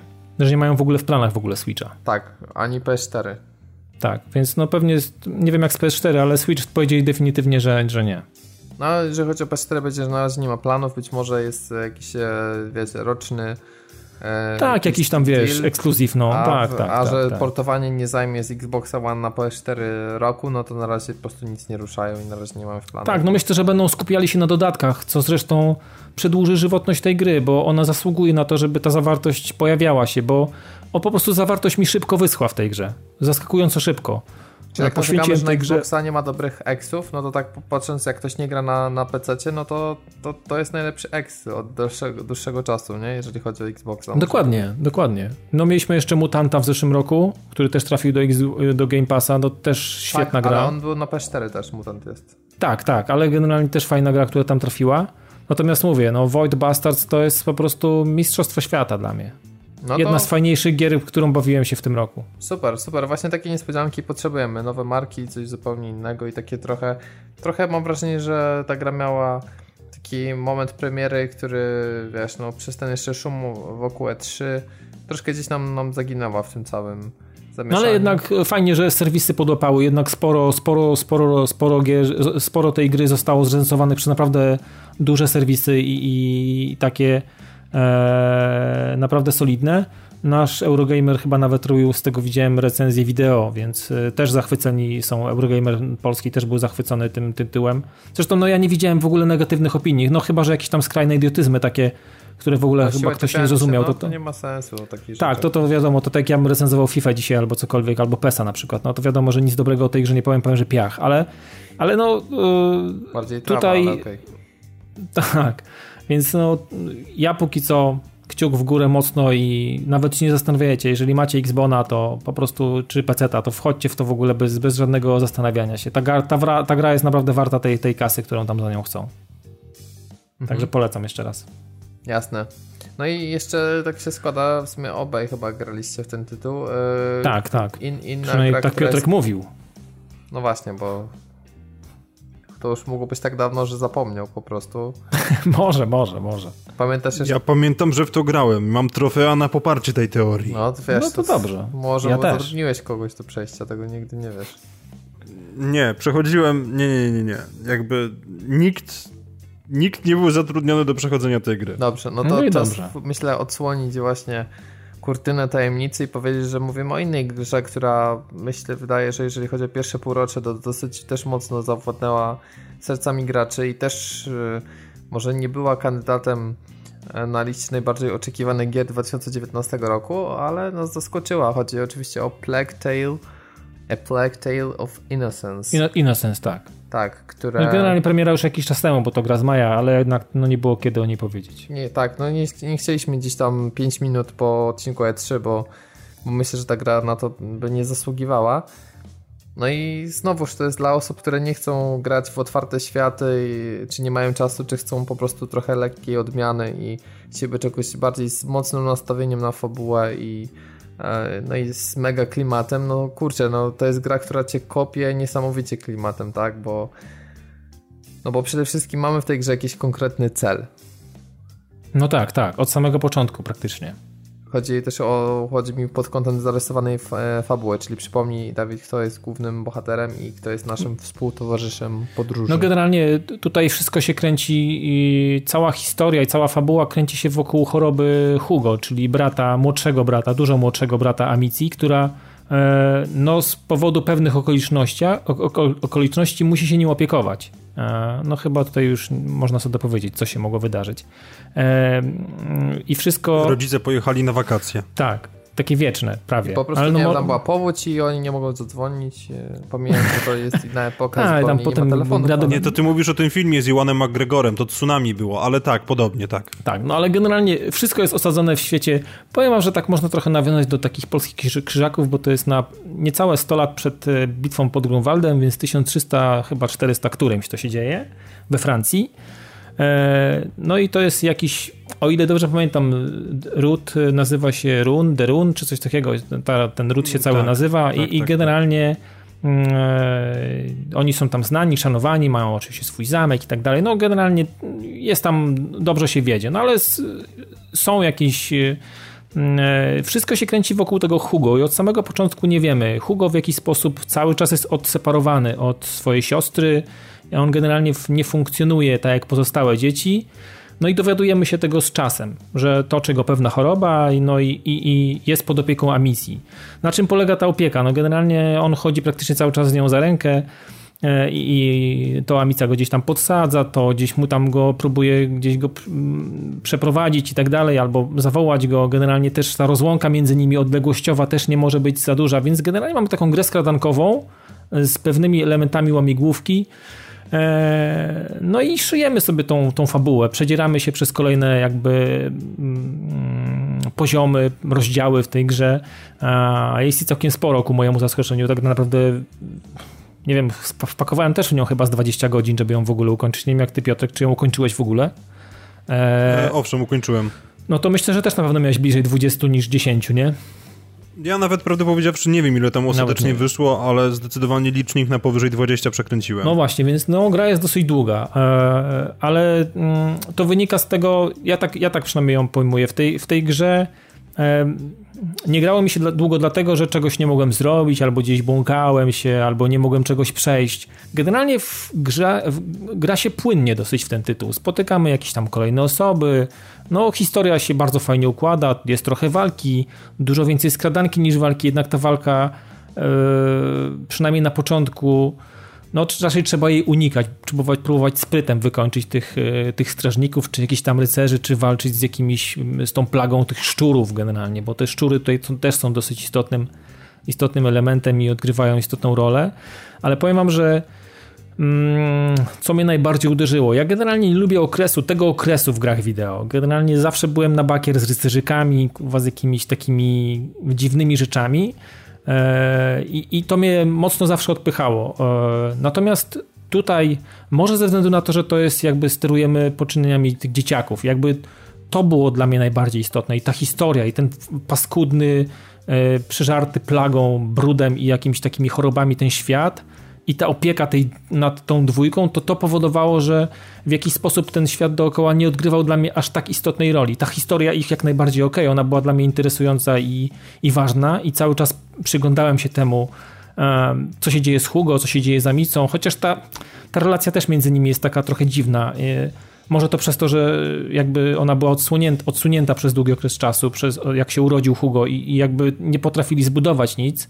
Natomiast jest jakaś taka opieka i próba, próba pilnowania całej dwójki, ten los nie był mi obojętny. E, więc to w jakiś sposób było takie dla mnie, mm, dla mnie przyjemne i, i chęć jakby popychania losów tych dzieciaków do przodu. Bo to jednak jakby nie patrzeć, są dzieciaki i postacie, które spotykają i z którymi gdzieś tam mm, potem mają sprzymierzeńców swoich, to też są jakieś tam dzieci, więc generalnie mamy taki wszystko się kręci wokół takich nastolatków i tego właśnie e, małego, chorego Hugo.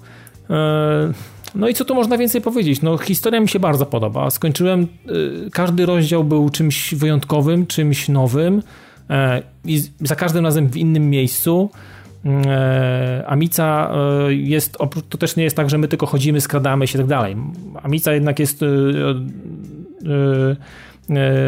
starszym, starszym dzieckiem i posługuje się procą i generalnie mamy cały system craftingu jakiejś tam broni, natomiast to, umówmy się, to nie są karabiny, to nie są jakieś dziwne rzeczy, nie ma mieczy, nie ma to jakiejś tam białej broni, żeby walczyć, no trochę sprytem, trochę tym procą i generalnie różnymi takimi... Mm, miksturami, jakimiś chemikaliami, które gdzieś tam poznajemy pewne składniki, bo e, jeden z towarzyszy mm, e,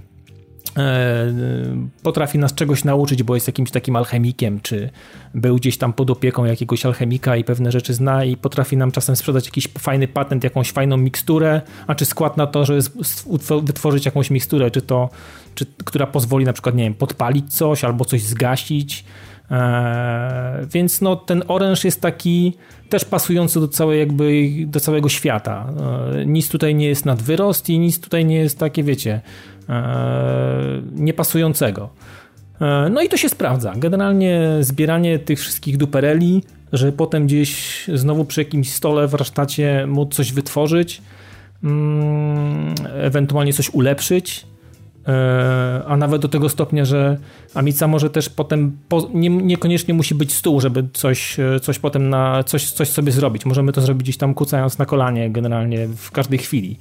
Więc e, system craftingu mi się podoba. Jest, nie jest przegięty, nie jest jakiś mega skomplikowany i, i całkiem fajnie się z tego korzysta. No generalnie nie wiem, nie wiem, chyba teraz może Piotrek coś powiesz, bo, bo no generalnie ja byłem zachwycony i, i, i jakby walki, wal, walka, yy, walka potem jakby z jakimiś bossami albo jakieś takie istotne, istotne elementy, znaczy trudno powiedzieć bossami, no ale z tymi takimi mm, z cięższymi e, przeciwnikami. Tak, cięższymi przeciwnikami e, też bardzo fajnie, fajnie to skrojone, no ale generalnie powiem wam, że lokalizacje. Ta gra wygląda pięknie. No to jest Są szok, takie momenty, nie? że, że... gra taka double A, nazwijmy triple A też ciężko, to tak. no, no naprawdę urzeka oprawą. Ja byłem w szoku, naprawdę. I to są takie miejscówki czasami, że zatrzymywałem się, naprawdę napieprzałem te, te, te print screeny, te, te, te zrzuty ekranu, bo miejscówki niektóre są tak urocze i wszystko się dzieje w takim jakimś okresie, takiej, takiej też jesieni jest, tak wiecie, tak... Mm, no i spójnie to jest, spójne to jest w kolorystyce, w odbiorze, w klimacie. E, mimo, że mówię, czasami jest noc, czasami jest jakieś popołudnie, czasami jest dzień, czasami jest piękny, piękny słoneczny jakiś tam dzień, a potrafimy też mieć jakieś, e, jakieś rozdziały e, gdzieś, gdzieś w nocy i tak dalej, gdzie, gdzie fajnie widać pochodnie i to, jak są oświetlane przez jakichś patrolujących strażników i tak dalej, więc no kurczę, no to też kolejne takie zaskoczenie dla mnie i, i, fabularnie też. Jedyny, co miałem tutaj taki takie trochę nie potrafiłem zrozumieć tej, tej relacji między, między tą, tym, tą, tym rodzeństwem, ale sobie to tłumaczyłem w ten sposób, że, że, że, że Amika może nie rozumieć te, tego, co, to, co toczy Hugo i, i, i potem może, może to z tego wynikało. Natomiast y, niespecjalnie mi nic coś przeszkadzało. Fajnie mi się w to grało i to pchało mi się tą fabułę bardzo fajnie do przodu i, i, i w sumie nawet gra się też całkiem fajnie skończyła. Nie spodziewałem się takiego w sumie zakończenia, więc y, no, mhm. tutaj same, same, same plusy w sumie.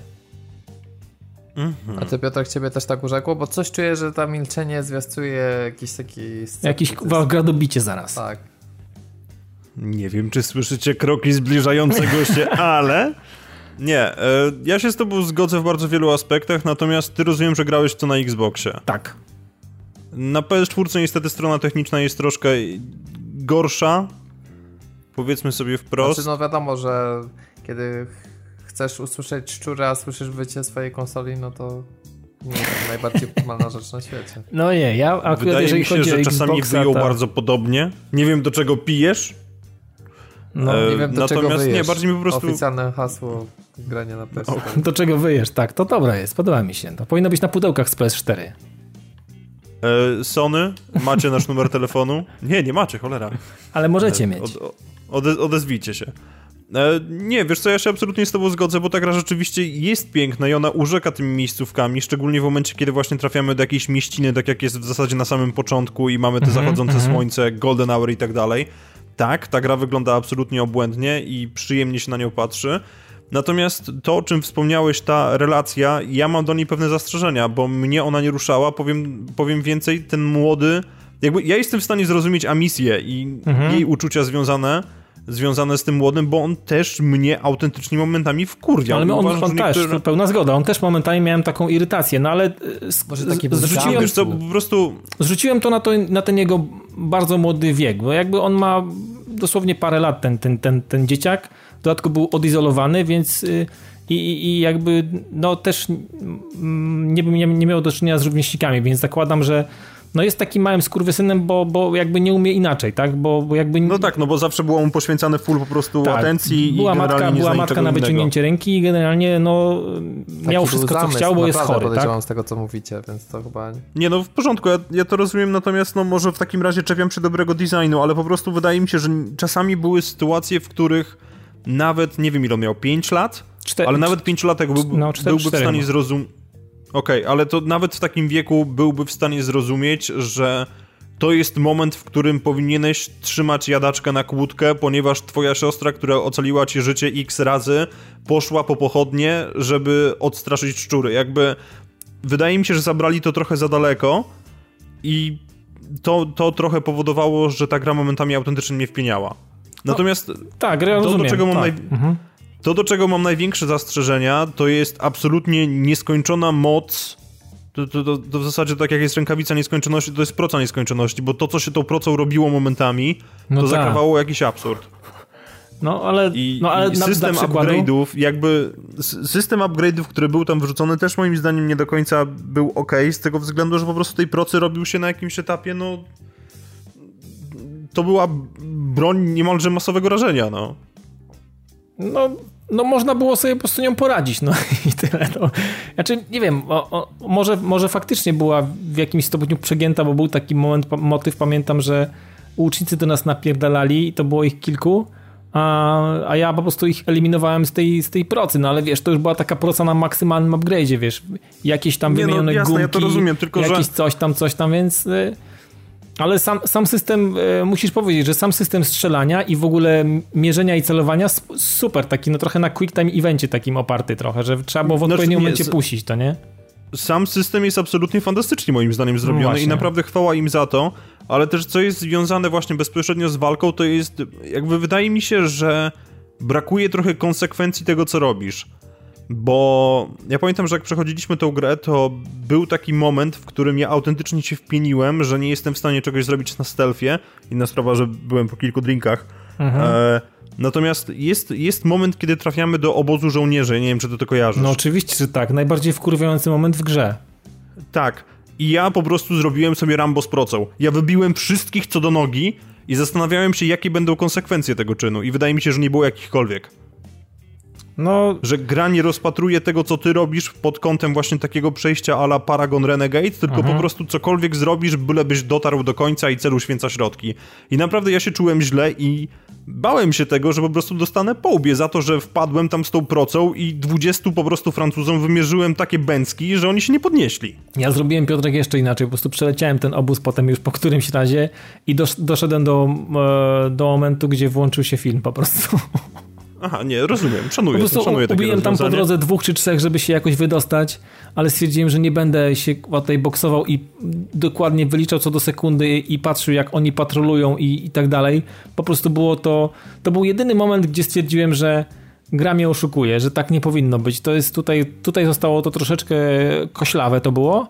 Natomiast no, pewnie jakbyś się uparł, to dałoby się to spokojnie przejść, nawet w taki znaczy, sposób nie, eliminując dwóch, trzech i dotrzeć do tej bramy generalnie tam gdzieś. Ja nie, nie wątpię, czy to dałoby się zrobić na pełnym stealthie, natomiast no po właśnie. prostu mówię, no w, w momencie, kiedy ja w to grałem, a ogrywałem to razem z Malwiną, pozdrawiam, to właśnie stwierdziliśmy, że może wystarczy tej, tych no, prób dokładnie. skradania się, no bo jakby ile można do ciężkiej cholery i zawsze jest tak, że ten, ten system, który tam jest, jeżeli chodzi o poruszanie się postaci, on przy niektórych obiektach bywa bardzo nieprecyzyjny.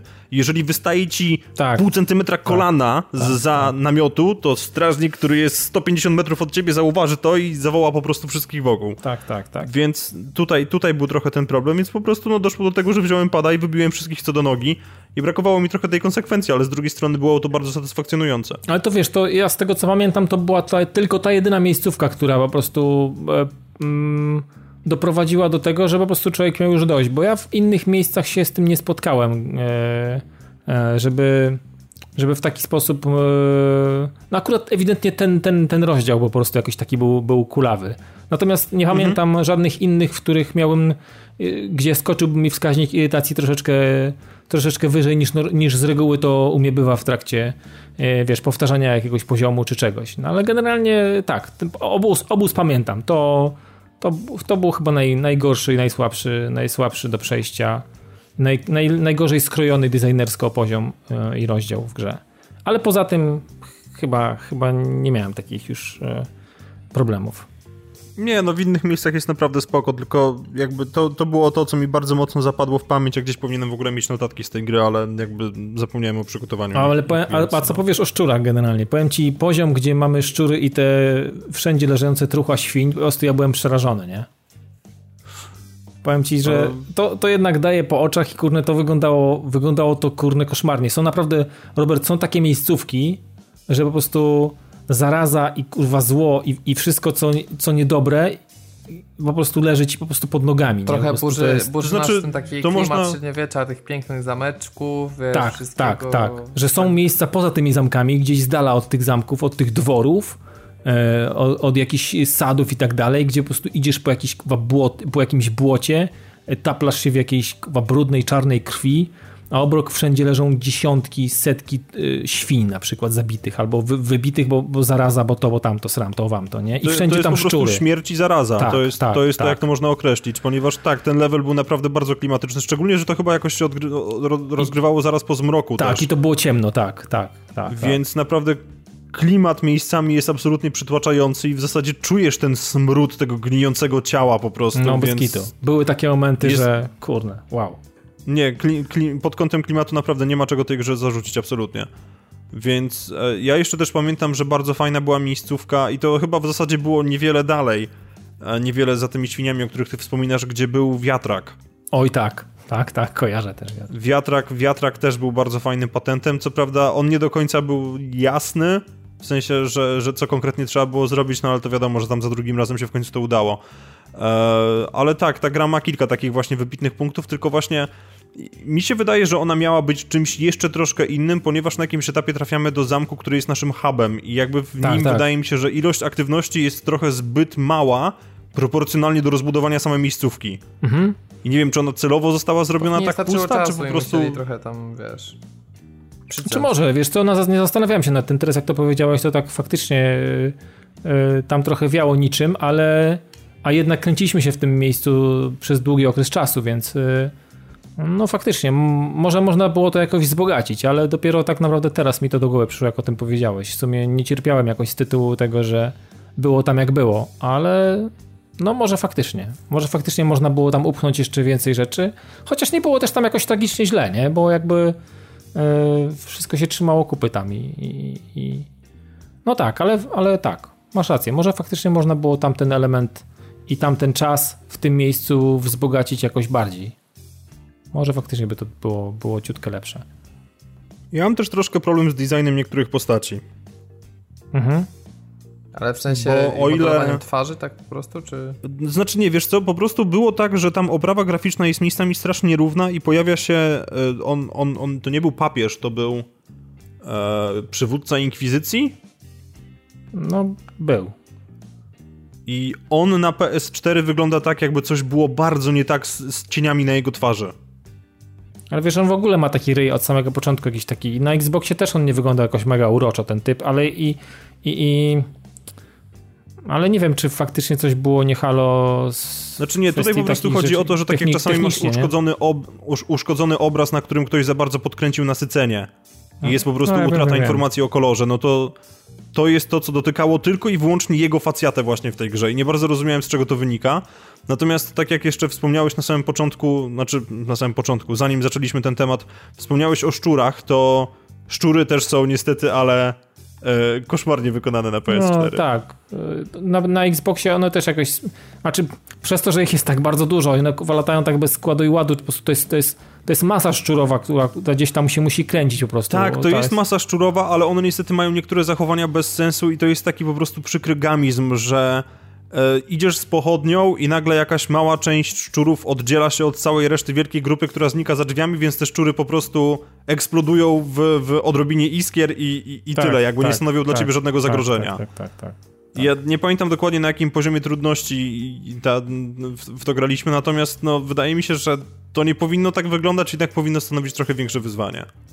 No chociaż powiem ci, miałem też takie momenty, że e, wydawało mi się, a właśnie prze, przestałem być czujny na tyle, żeby pilnować tego, bo widziałem, że faktycznie potrafią się roz, rozmyć w powietrzu, jak się jakaś mała grupka oddzieli tam kilka tych, tych szczurów ale wielokrotnie na przykład ginąłem właśnie z tego powodu, że ta moja czujność maksymalnie spadła. Pozwoliłem sobie na taką małą grupkę, którą stwierdziłem, a pewnie zaraz wyparują albo zaraz się cofną i, i wszedłem w niej i automatycznie zostałem pożarty, więc y, generalnie z tym też było różnie. Traciłem czujność mhm. i generalnie konsekwencje y, były, były natychmiast y, wychodziły tego. Więc tutaj też jest z tym różnie generalnie. No. Ale fakt faktem masz rację, też takie rzeczy miały miejsce. Ale I teraz ja, idzie na to, że nie, ogólnie... jestem, jestem czepialski, ale generalnie naprawdę ogólny odbiór gry był bardzo pozytywny. Tak. Tylko e, jak graliśmy, to mieliśmy taką, taką cichą nadzieję, że. A nie, dobra, bo to będzie spoiler, nieważne, nie, nie, nie mogę tego powiedzieć, ale liczyliśmy na troszkę inne zakończenie po prostu. No, okej. Okay. Ale generalnie jako historia, jako, jako taka przygodowa gra naprawdę skradankowa. Nie, właśnie to... to... co mi się bardzo podobało, to jest to, że Plague bardzo fajnie pokazuje, że gry typu AA, które niekoniecznie mają niebotyczny budżet i, i, są dopracowane w najmniejszym szczególe, to są gry, które są nam potrzebne, bo one też jednak mają swój urok i nie do końca rozumiem zasadność porównywania tej gry do, do Hellblade'a, bo wydaje mi się, że to jednak jest trochę mhm. inny gatunek no i on, on, jednak porusza trochę inne struny, jeżeli chodzi o nasze emocje. Natomiast Plague naprawdę bardzo skutecznie udowadnia, że takie gry są potrzebne i że w nie się gra bardzo przyjemnie i one chyba też trochę po prostu otwierają nam oczy na nieco inne patenty gameplayowe, bo wiadomo, że nie jest w stanie nadrobić grafiką, chociaż i tak, jak wspominaliśmy, jest bardzo dobrze, szczególnie przez fenomenalny design. Tak. To no, potrzebujemy tego typu tytułów, które jednak wyróżniają się fajnymi mechanikami, nawet jeżeli proca jest trochę przegięta. Dokładnie tak. Podtrzymuję to wszystko. Więc... Rzeczywiście ogólnie wspólnie ze z Piotrkiem zgadzamy się. Wow, I mówimy, że gra, jest, że gra jest jednak ogólnie dobra. No. I, i, tak. i taki gier trzeba. I ogólnie to tak można powiedzieć, że dosyć solidne to pierwsze półrocze, mimo że mo, może jeżeli chodzi o takie grube tytuły od największych wydawców, to akurat one potrafią gdzieś zawodzić, ale no właśnie yy, rynek nie znosi próżni i wtedy trochę więcej czasu i miejsca mają a właśnie trochę ci mniejsi deweloperzy i to jest taka, wiesz, to jest ta gra średniej półki, których zawsze mówiliśmy, że, że brakuje i że nie chcielibyśmy, żeby to umarło, więc cieszę się, no że... I, ale widzisz, no, to, to, to też ja tak y, przyglądam się od jakiś czas i, i, i te gry średniej półki one z reguły jakoś, jakoś, jakoś wychodzą. Może nie ma rozgłosu, może y, gdzieś tam to się nie przebija za bardzo, ale one z reguły gdzieś tam dają radę. Wszystkie gry, które gram, to nie, to, to w, większości, w większości to są gry właśnie małe, albo właśnie te niezależne, od, które ogrywam od zawsze i zawsze je lubiłem i one zawsze e, mi pokazują niesamowite rzeczy i potem żałuję, że tego nigdzie później nie ma. E, I, i, i okazuje się, że trafiają się naprawdę perełki i to, i to jest taka, taka regularna zasada, nie? To, jest, to, to nie jest tak, że to raz na jakiś czas, tylko generalnie ci, ci z tymi mniejszymi grami jest tak, że że one sobie jakoś tam dają radę. Przy tych dużych jest więcej problemów i, i, i przy dużych pieniądzach są większe problemy, jeszcze A, większe. No. Ale trzeba też powiedzieć, że proporcjonalnie do. Wydaje się, że no nie, nie, wszystkie takie tytuły z tej średniej półki są w stanie tak idealnie zażreć, bo też ostatnio była premiera The Sinking City tak. którą też, też miałeś okazję się tam przy, zagrać. No raczej kwestia teraz pierwszych wrażeń, nie, nie przejście całości, tak? Bo mówisz, że tam trochę... No tak, ja w ogóle po, po nie wiem, 6-5 godzinach, także trochę pograłem w to, e, natomiast jest to bardzo duża, du, duży teren. E, no ale to może tak na początek. Wszystko się dzieje w takim... Znaczy, może, może inaczej E, gra oparta jest o, o całą historię Call of Cthulhu, o Lovecrafta, jeżeli ktoś bardzo lubi takie tematy, jeżeli ktoś lubi ludzi, którzy wyglądają jak ryby i tak dalej. Ja nawet nie pamiętam, jak oni się nazywają, nie wiem, jak, jak, to, jest, to, jak to jest rasa i tak dalej, ale generalnie nie znam całego tego uniwersum, więc generalnie nie chcę się opowiadać. Natomiast jest ono bardzo mocno powiązane z tymi strasznymi rzeczami, o których pisał Lovecraft, którego też nie znam i nie będę się opowiadał, więc y, nie miejcie mi tego za złe. Mm, i całe to Call of Cthulhu i, i, i, ta, i, ta, i ta przerażająca głębia i, wszystko to, to złe, które, które wynika z, z, z, pewnych, e, z pewnych historii, pewnych, pewnych poczynań e, w, ty, w tych historiach, no to mm, mamy od, odzorowanie tego w tym mieście Oakmont chyba bodajże się nazywa to. I mhm. sterujemy panem detektywem Charlesem e, Reedem bodajże, czy jakoś tak. E, I, i, i trafiamy do tego, do tego miasta e, z, kilk, znaczy z dwóch powodów. Znaczy, jeden powód to jest taki nasz wewnętrzny, mamy jakieś przerażające wizje i chcemy troszeczkę się dowiedzieć, do czego tak jest i, i, i trochę jakby zrobić coś dla siebie, ale oprócz tego e, pan Charles jest detektywem. Mm. No i z racji tego, że to miasto no, ma pełno takich y, mrocznych, dziwnych historii swoich y, y, i pierwsze, pierwsze zlecenie, które dostajemy od pana, który wygląda jak goryl, to też odpowiednia jakaś tam rasa, nie pamiętam, wybaczcie. E, mm, dostajemy pewne, pewne zlecenie i, i, próbujemy wejść, wejść w świat, w to, w to miasto Oakmont, które, tak jak powiedziałem, jest olbrzymie, jest mm, trochę jak Wrocław mogę powiedzieć. Wszędzie jest woda, kuwa. miasto na wodzie e, i w niektóre miejsca trzeba dostać się łódką, bo, bo są pozalewane.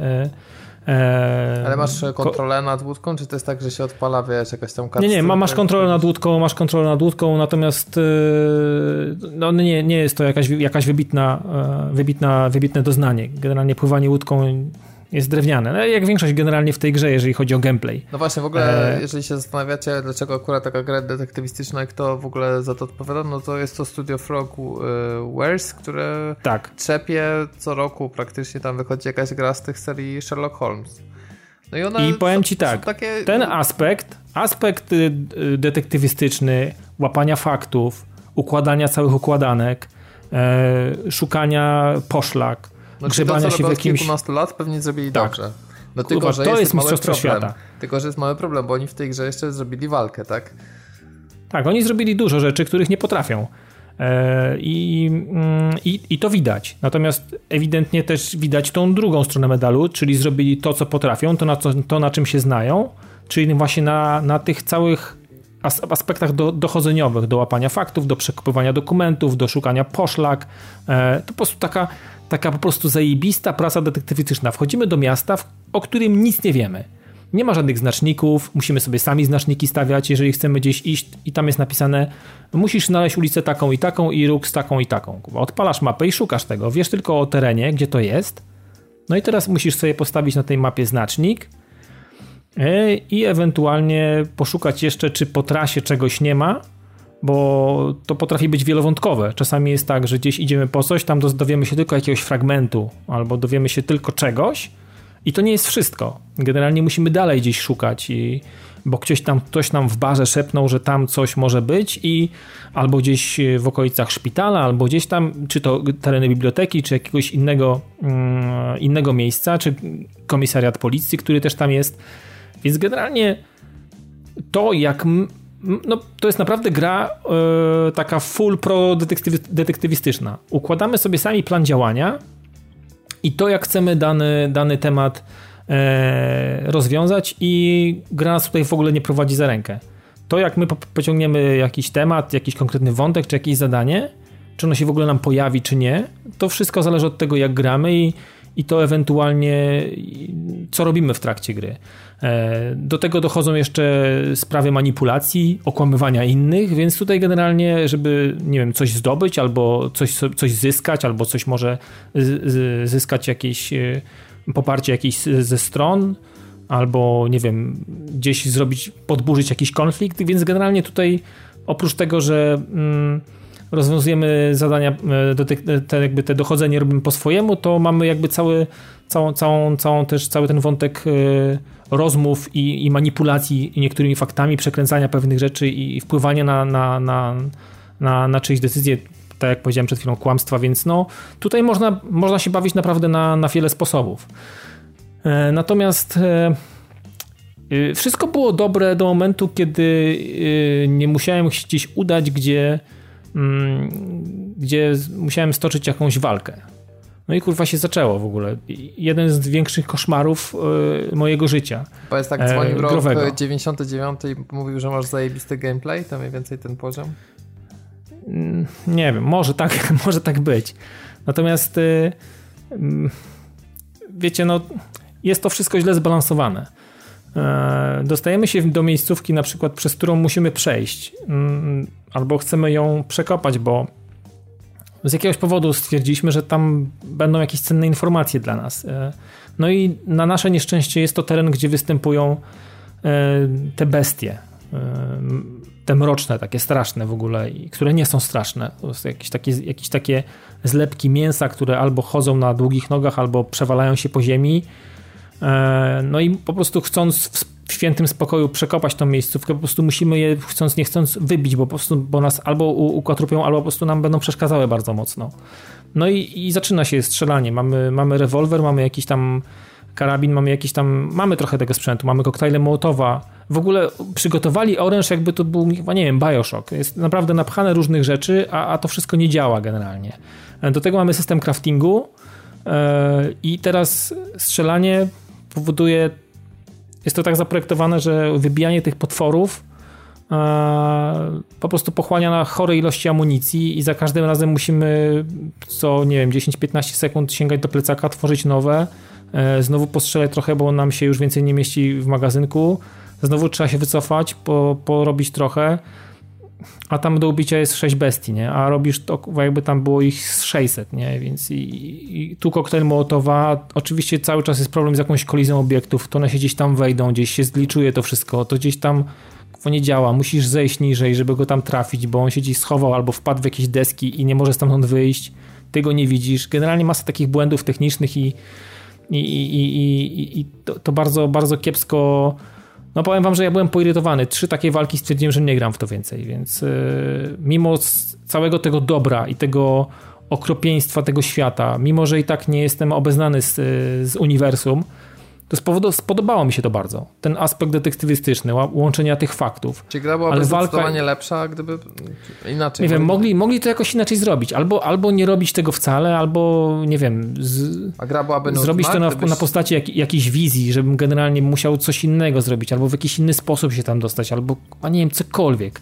A gra byłaby e... nudna, gdybyś w ogóle, wiesz, po ten aspekt... Nie, ona właśnie by nie była nudna. Gdyby nie było strzelania, ona by w ogóle nie była nudna ta gra jest tak zajebiście zrobione, są te aspekty właśnie typowo detektywistyczne i te, te, te fabularne, te, te prowadzenie tych rozmów, to jest tak fajnie zrobione i to stawianie sobie samemu pinesek e, po, po, po, konkretnym, po konkretnej części miasta mm, i, i, szukanie tych wszystkich, tych wszystkich ulic, tych krzyżówek, tych budynków, bo to nawet jest tak, że wiecie, jak postawicie sobie pineskę, bo tam na rogu ma coś być, to na mapie tego nie widać. Dopiero jak pojawimy się w tym miejscu, stajemy na skrzyżowaniu jakichś ulic, po prostu dopiero eksplorujemy okolice i patrzymy, gdzie tu jest wejście nawet do budynku. Nawet nie ma oznaczonych wejść. Musimy sobie znaleźć, sami, sami nawet znaleźć drzwi, mm, żeby gdzieś się dostać. Więc generalnie to jest super. Naprawdę, po prostu w, w, tak jakbyś się dostał do jakiegoś miasta, w którym nigdy nie byłeś mm, i dostałeś po prostu surową mapę bez żadnych znaczników, po prostu i, i tylko z nazwami ulic, które no, gdzieś tam udało ci się wyczytać. Na pewno, nie? Naprawdę, to jest,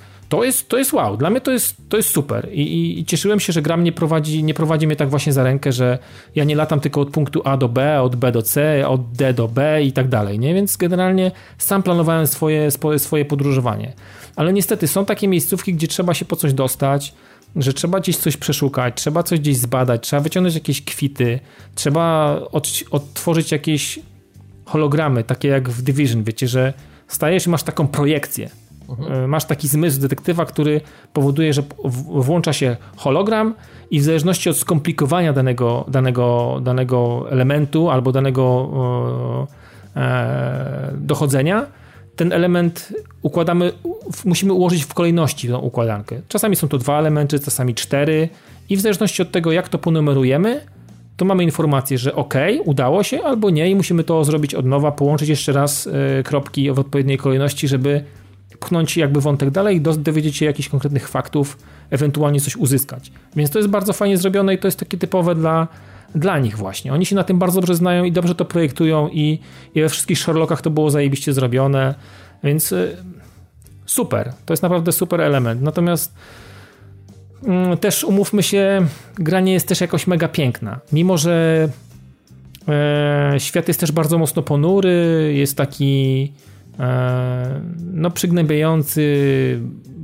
mokry, nie, niefajny w ogóle do, do, do, do tego, żeby go podziwiać, to i trochę powinien wybaczać automatycznie takie rzeczy, bo jakby nie skupiamy się na tym, bo po prostu jest, jest wszędzie źle, fatalnie, deszcz, mokro, ciemno, ponuro, do dupy, to, to, to, to mimo wszystko widać pewne niedociągnięcia i trochę taki recykling też tego, że, że są takie miejsca, że czasami, ja tu już tu byłem, a nie, nie taka miejscówka, tak? Jakby na się ktoś Ctrl-C, Ctrl-V gdzieś wcisnął jakąś konkretną sekwencję ulicy z jakimiś budynkami i, i ona bardzo mocno przypomina tą, którą gdzieś widzieliśmy kawałek kilka przecznic dalej, więc są jakieś takie punkty, wiecie, e, charakterystyczne, jak jakiś właśnie bar, szpital, e, biblioteka, czy jakiś komisariat policji, czy jakieś jeszcze inne, na przykład czy wydawnictwo, gazeta, która gdzieś tam sobie działa w tym, w tym mieście. E, natomiast są, jest tych punktów no garstka na takim terenie na początku, co dostajemy. I, I, jednak reszta to są takie po prostu ciągi kamienic, do których i tak nie możemy się dostać. E, i co jakiś czas właśnie trafiamy jakieś, pod, jakieś miejsca z potworami. Całe szczęście jest system szybkiej podróży, ale to też na tej zasadzie, że musimy sobie go sami odkryć. To jest tak, że spotykając konkretną budkę telefoniczną, podchodząc do niej, ona się w jakiś sposób aktywuje i staje się naszym jakby punktem, do którego możemy się wdzwonić z innej budki telefonicznej, którą odkryjemy oczywiście. Tego też na mapie nie ma, musimy sobie je sami odkopać. E, no więc generalnie tutaj dużo rzeczy musimy sobie na mapie sami znaleźć, sami sobie wyspotować, to wszystko poznaczać, pomarkować i tak dalej, żeby móc z tego potem korzystać. Gra nam tego nie daje na tacy i nie mówi, gdzie masz to gdzie to masz, tylko po prostu sobie sam poszukaj. Więc tą całą sieć e, szybkiej podróży też sobie budujemy sami i w zależności od tego, gdzie się znajdziemy, tam po prostu będzie dana budka telefoniczna lub nie, więc no tutaj też trzeba trochę zlatać. No jest bardzo dużo chodzenia. Generalnie łazi się po tym mieście. Jest naprawdę dużo, dużo łażenia, plus do tego, tak jak powiedziałem na początku, to podróżowanie łódką, które też jest e, też jest tak zrobione, wiecie, tak no, trochę na, na odpieprz się, bo jest, yy, podchodzisz do łódki, nawet nie ma animacji wsiadania, tylko wciskasz, wciskasz X i nagle siedzisz w łódce, potem wychodzisz z łódki, to od razu koleś stoi na pomoście, więc tak, A, tak po prostu całkowicie wychodzi. do dupy, tak na zasadzie, wiesz, 1-0, 1-0, nie? Jesteś, nie macie, jesteś, nie macie. A takie, no jest dużo takich po prostu na odwal się, no. Widać, że albo im się nie chciało, albo nie umieją, albo, albo nie wiedzą, jak to zrobić dobrze. Eee, trochę pop-upu, trochę popinów, takich standardowych po prostu problemów z optymalizacją jakichś rzeczy. Więc to tak, taki standard y, przy studiach y, takiej rangi, którzy, które nie robiły jakichś niesamowitych, niesamo, nie oszałamiających graficznych y, bajerów. Trochę szkoda, no bo mm, wiecie, tutaj jak miałem, pamiętacie ten Murder Suspect? No właśnie, ta gra była zajebiście. Ona... Czy, czy, to nie jest właśnie trochę ten klimat, nie? Trochę może taki klimat jest, bo mamy te hologramy i tak dalej. Natomiast też tam grę, tamtą grę mi zepsuła też ta pieprzona walka z tymi zmorami, tymi, tymi zjewami, z tymi, z tymi duchami. Do momentu, kiedy tego nie było, było wszystko super. Weszło to, powiedziałem, pierdolę, nie gram w to, nie? Więc i tutaj jest tak samo. Ja jeszcze pewnie wrócę, dam szansę, bo A czy była jakaś pres, skip, pres mnie też namawia, bo mówi, że fajnie i to, ale Kurczę, żeby, raz? żeby dodali jakąś opcję, żeby po prostu po, pominąć e, walkę. Nie? nie? wiem, nie wiem. Widocznie oni nie widzą w tym problemu, natomiast e, no to jest, to jest absolutnie niegrywalna, niegrywalna część gry i takie straszne szambo, więc e, gameplayowe, no szkoda bardzo, bo wszystko dookoła mi w miarę siedzi, nawet się zainteresowałem tą fabułą i, i, i i ten taki, taki zupełnie inny świat. Bardzo niewiele gier jest, które opowiadają takie historie i taki świat pokazują. To też jest, to też jest takie, trochę takie niszowe. Jak generalnie, tak jak powiedziałem, nie znam tych, tych, tych, tych tego świata, tych, historii.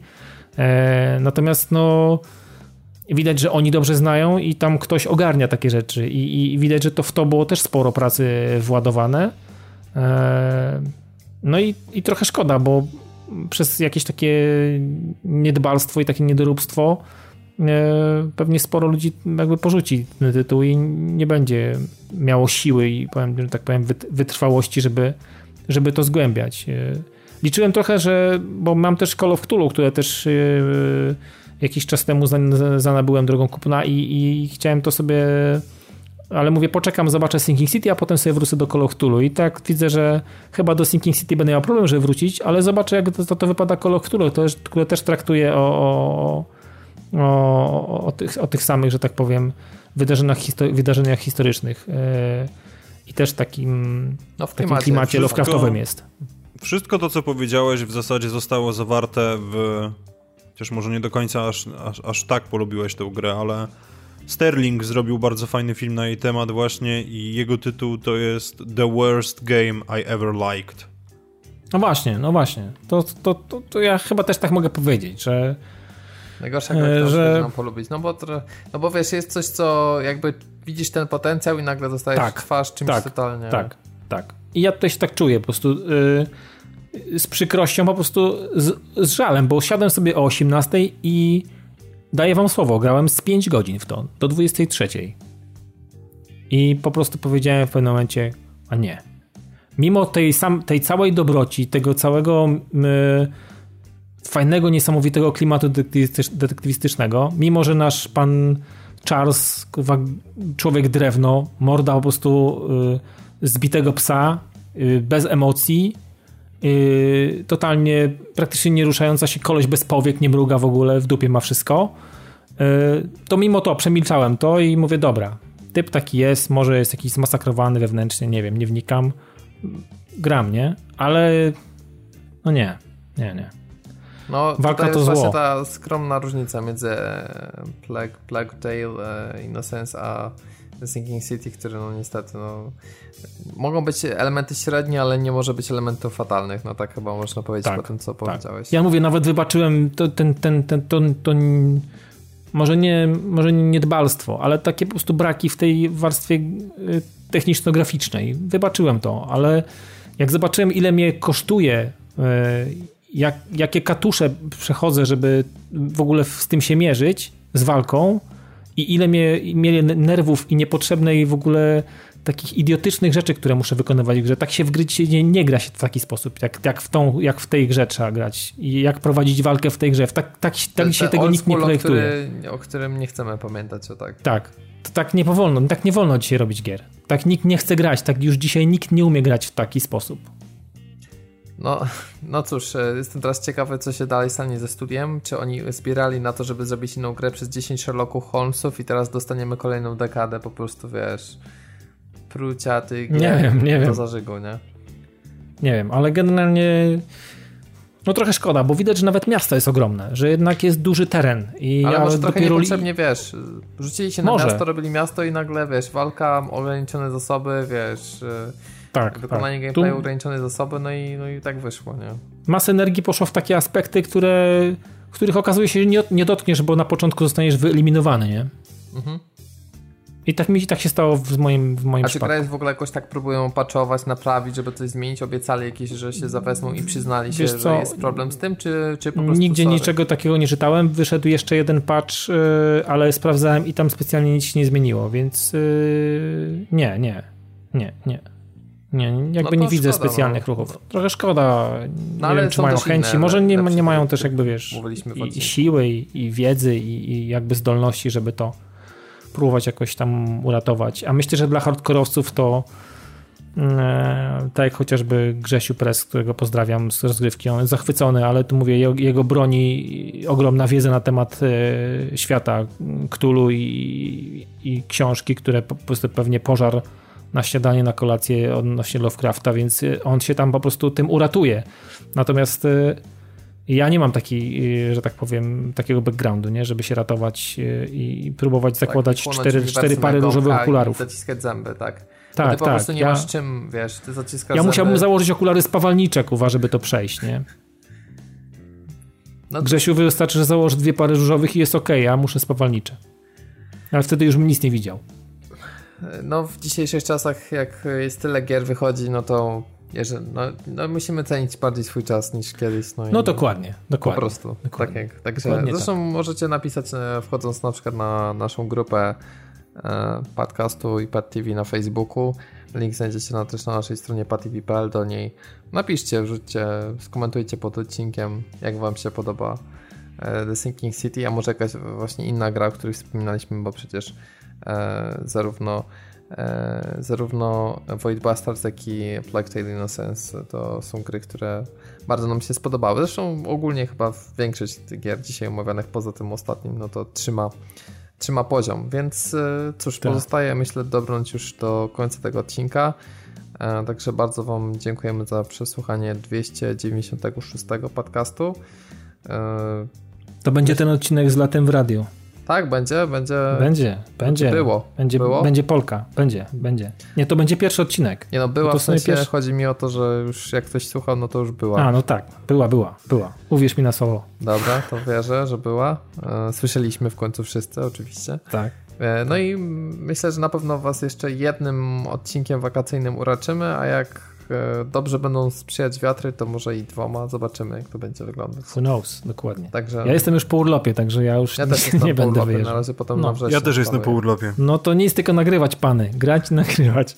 No, ja właśnie za tydzień się na, jak to niektórzy właśnie e, już zdążyli skomentować gra komórkowa, czyli Marvel Ultimate Alliance 3, no to czekam na Switchu, a później już przychodzi sierpień, no i nie, jeszcze Wolf. Wolf jeszcze będzie. Wolf będzie. A Wolf będzie lipca. w lipcu jeszcze, tak? Ta 20 chyba 7, dobrze A, mówię? Faktycznie, tak. tak, 26 nawet. Mhm. O, to nawet, to nawet. Także myślę, że z Piotkiem na pewno zatopimy w to swoje paznokcie. No i później 27 sierpnia startuje Control, no ale co z tym będzie, to tak jak już mówiliśmy poprzednio, nie mam... Ja obejrzałem pojęcia. pierwsze 13 minut od IGN bodajże i jestem póki co zaintrygowany, ale Zobaczymy. Ja też mam na celowniku, ale chcę jeszcze tak zapytać na koniec, może widzieliście system spotowania w Borderlands, czy jak będzie świetnie zrobiony? Kurwa, po prostu tak trzeba robić gry, no. Nie no, ja nie widziałem tego systemu, przyznam się. A jak... Ja też tego nie widziałem i prawdę powiedziawszy, im więcej słucham o Borderlands 3, tym mniej mnie ta gra obchodzi. Przestań Piotrek, nie, no, naprawdę nie, nie, mogę tego słuchać. A co ty byś będę chciał, żygał, będę żygał. Ja nie wiem, co byś chciał, że tam było. Nie mam bladego pojęcia. No właśnie. No właśnie. Ale wiesz, że To, czego źle. nie ma nigdzie i tego, czego jeszcze nikt nie wymyślił. Ja bym chciał, żeby tam był nowy Mass Effect. O. Nie, nie, żartuję, ale naprawdę jakoś po prostu wydaje mi się, że formuła Bordera się dla mnie trochę wyczerpała, szczególnie po tym, jak ostatnio ogrywałem znowu dwójkę i obawiam się, że do trójki nie usiądę tak na starcie. Ale A ja to... biorę po prostu i po prostu wchodzę w to, nawet, nawet mi powieka nie mrugnie prostu czekam i mam nadzieję, że będą utrzymają to po przyżyciu i pojawią się, wysypią się zajebiste delceki i po prostu będzie po prostu grania, grania. Ale jak już nam tak na koniec sprzedałeś, to powiedz jak działa system spotowania w Borderlands Tak jak w Apexie. Możesz wyspotować, nie wiem, skrzynkę, wroga, miejscówkę, wszystko i wszystko się inaczej się zapala na, dla innych kompanów. To jest po prostu zajebiste. A, no to to jest rewelacja, to zdecydowanie w ogóle. To powinno być w większości tego typu grach jako Tak, ja bym chciał, żeby to było w Overwatchu. No jasne, klasa, przecież brakowałoby te, brakuje tego. No to no. super, to bardzo dobra informacja. No i widzisz, no ale Piotrek pozostaje niewzruszony. No, no cóż, jakby takie, sytu... jakby takie rozwiązanie było w Mass Effectie, jakieś tam w no operacji by się obstrał pewnie. Popachy. Ja nawet nie skomentuję tego po prostu, bo nie, no, nie. To jest nie. takie nie, ale też takim, wiesz, takim, to nie jest takie nie, tylko takie nie. Czy, czy ktoś się ciebie pytał, przepraszam, ty miałeś kończyć. dobrze, dobrze. Kończymy. Dziękuję wam bardzo za przesłuchanie. Nazywam się Robert Fiałkowski i dzisiaj prowadziłem podcast, a przed chwilą wymownie milczał Piotrek Modzelewski. I teraz będę milczał do kolejnego odcinka. I wymownie śmiał się Dawid Maron. Dzięki i do usłyszenia w kolejnym odcinku. Trzymajcie się. Na razie, do następnego.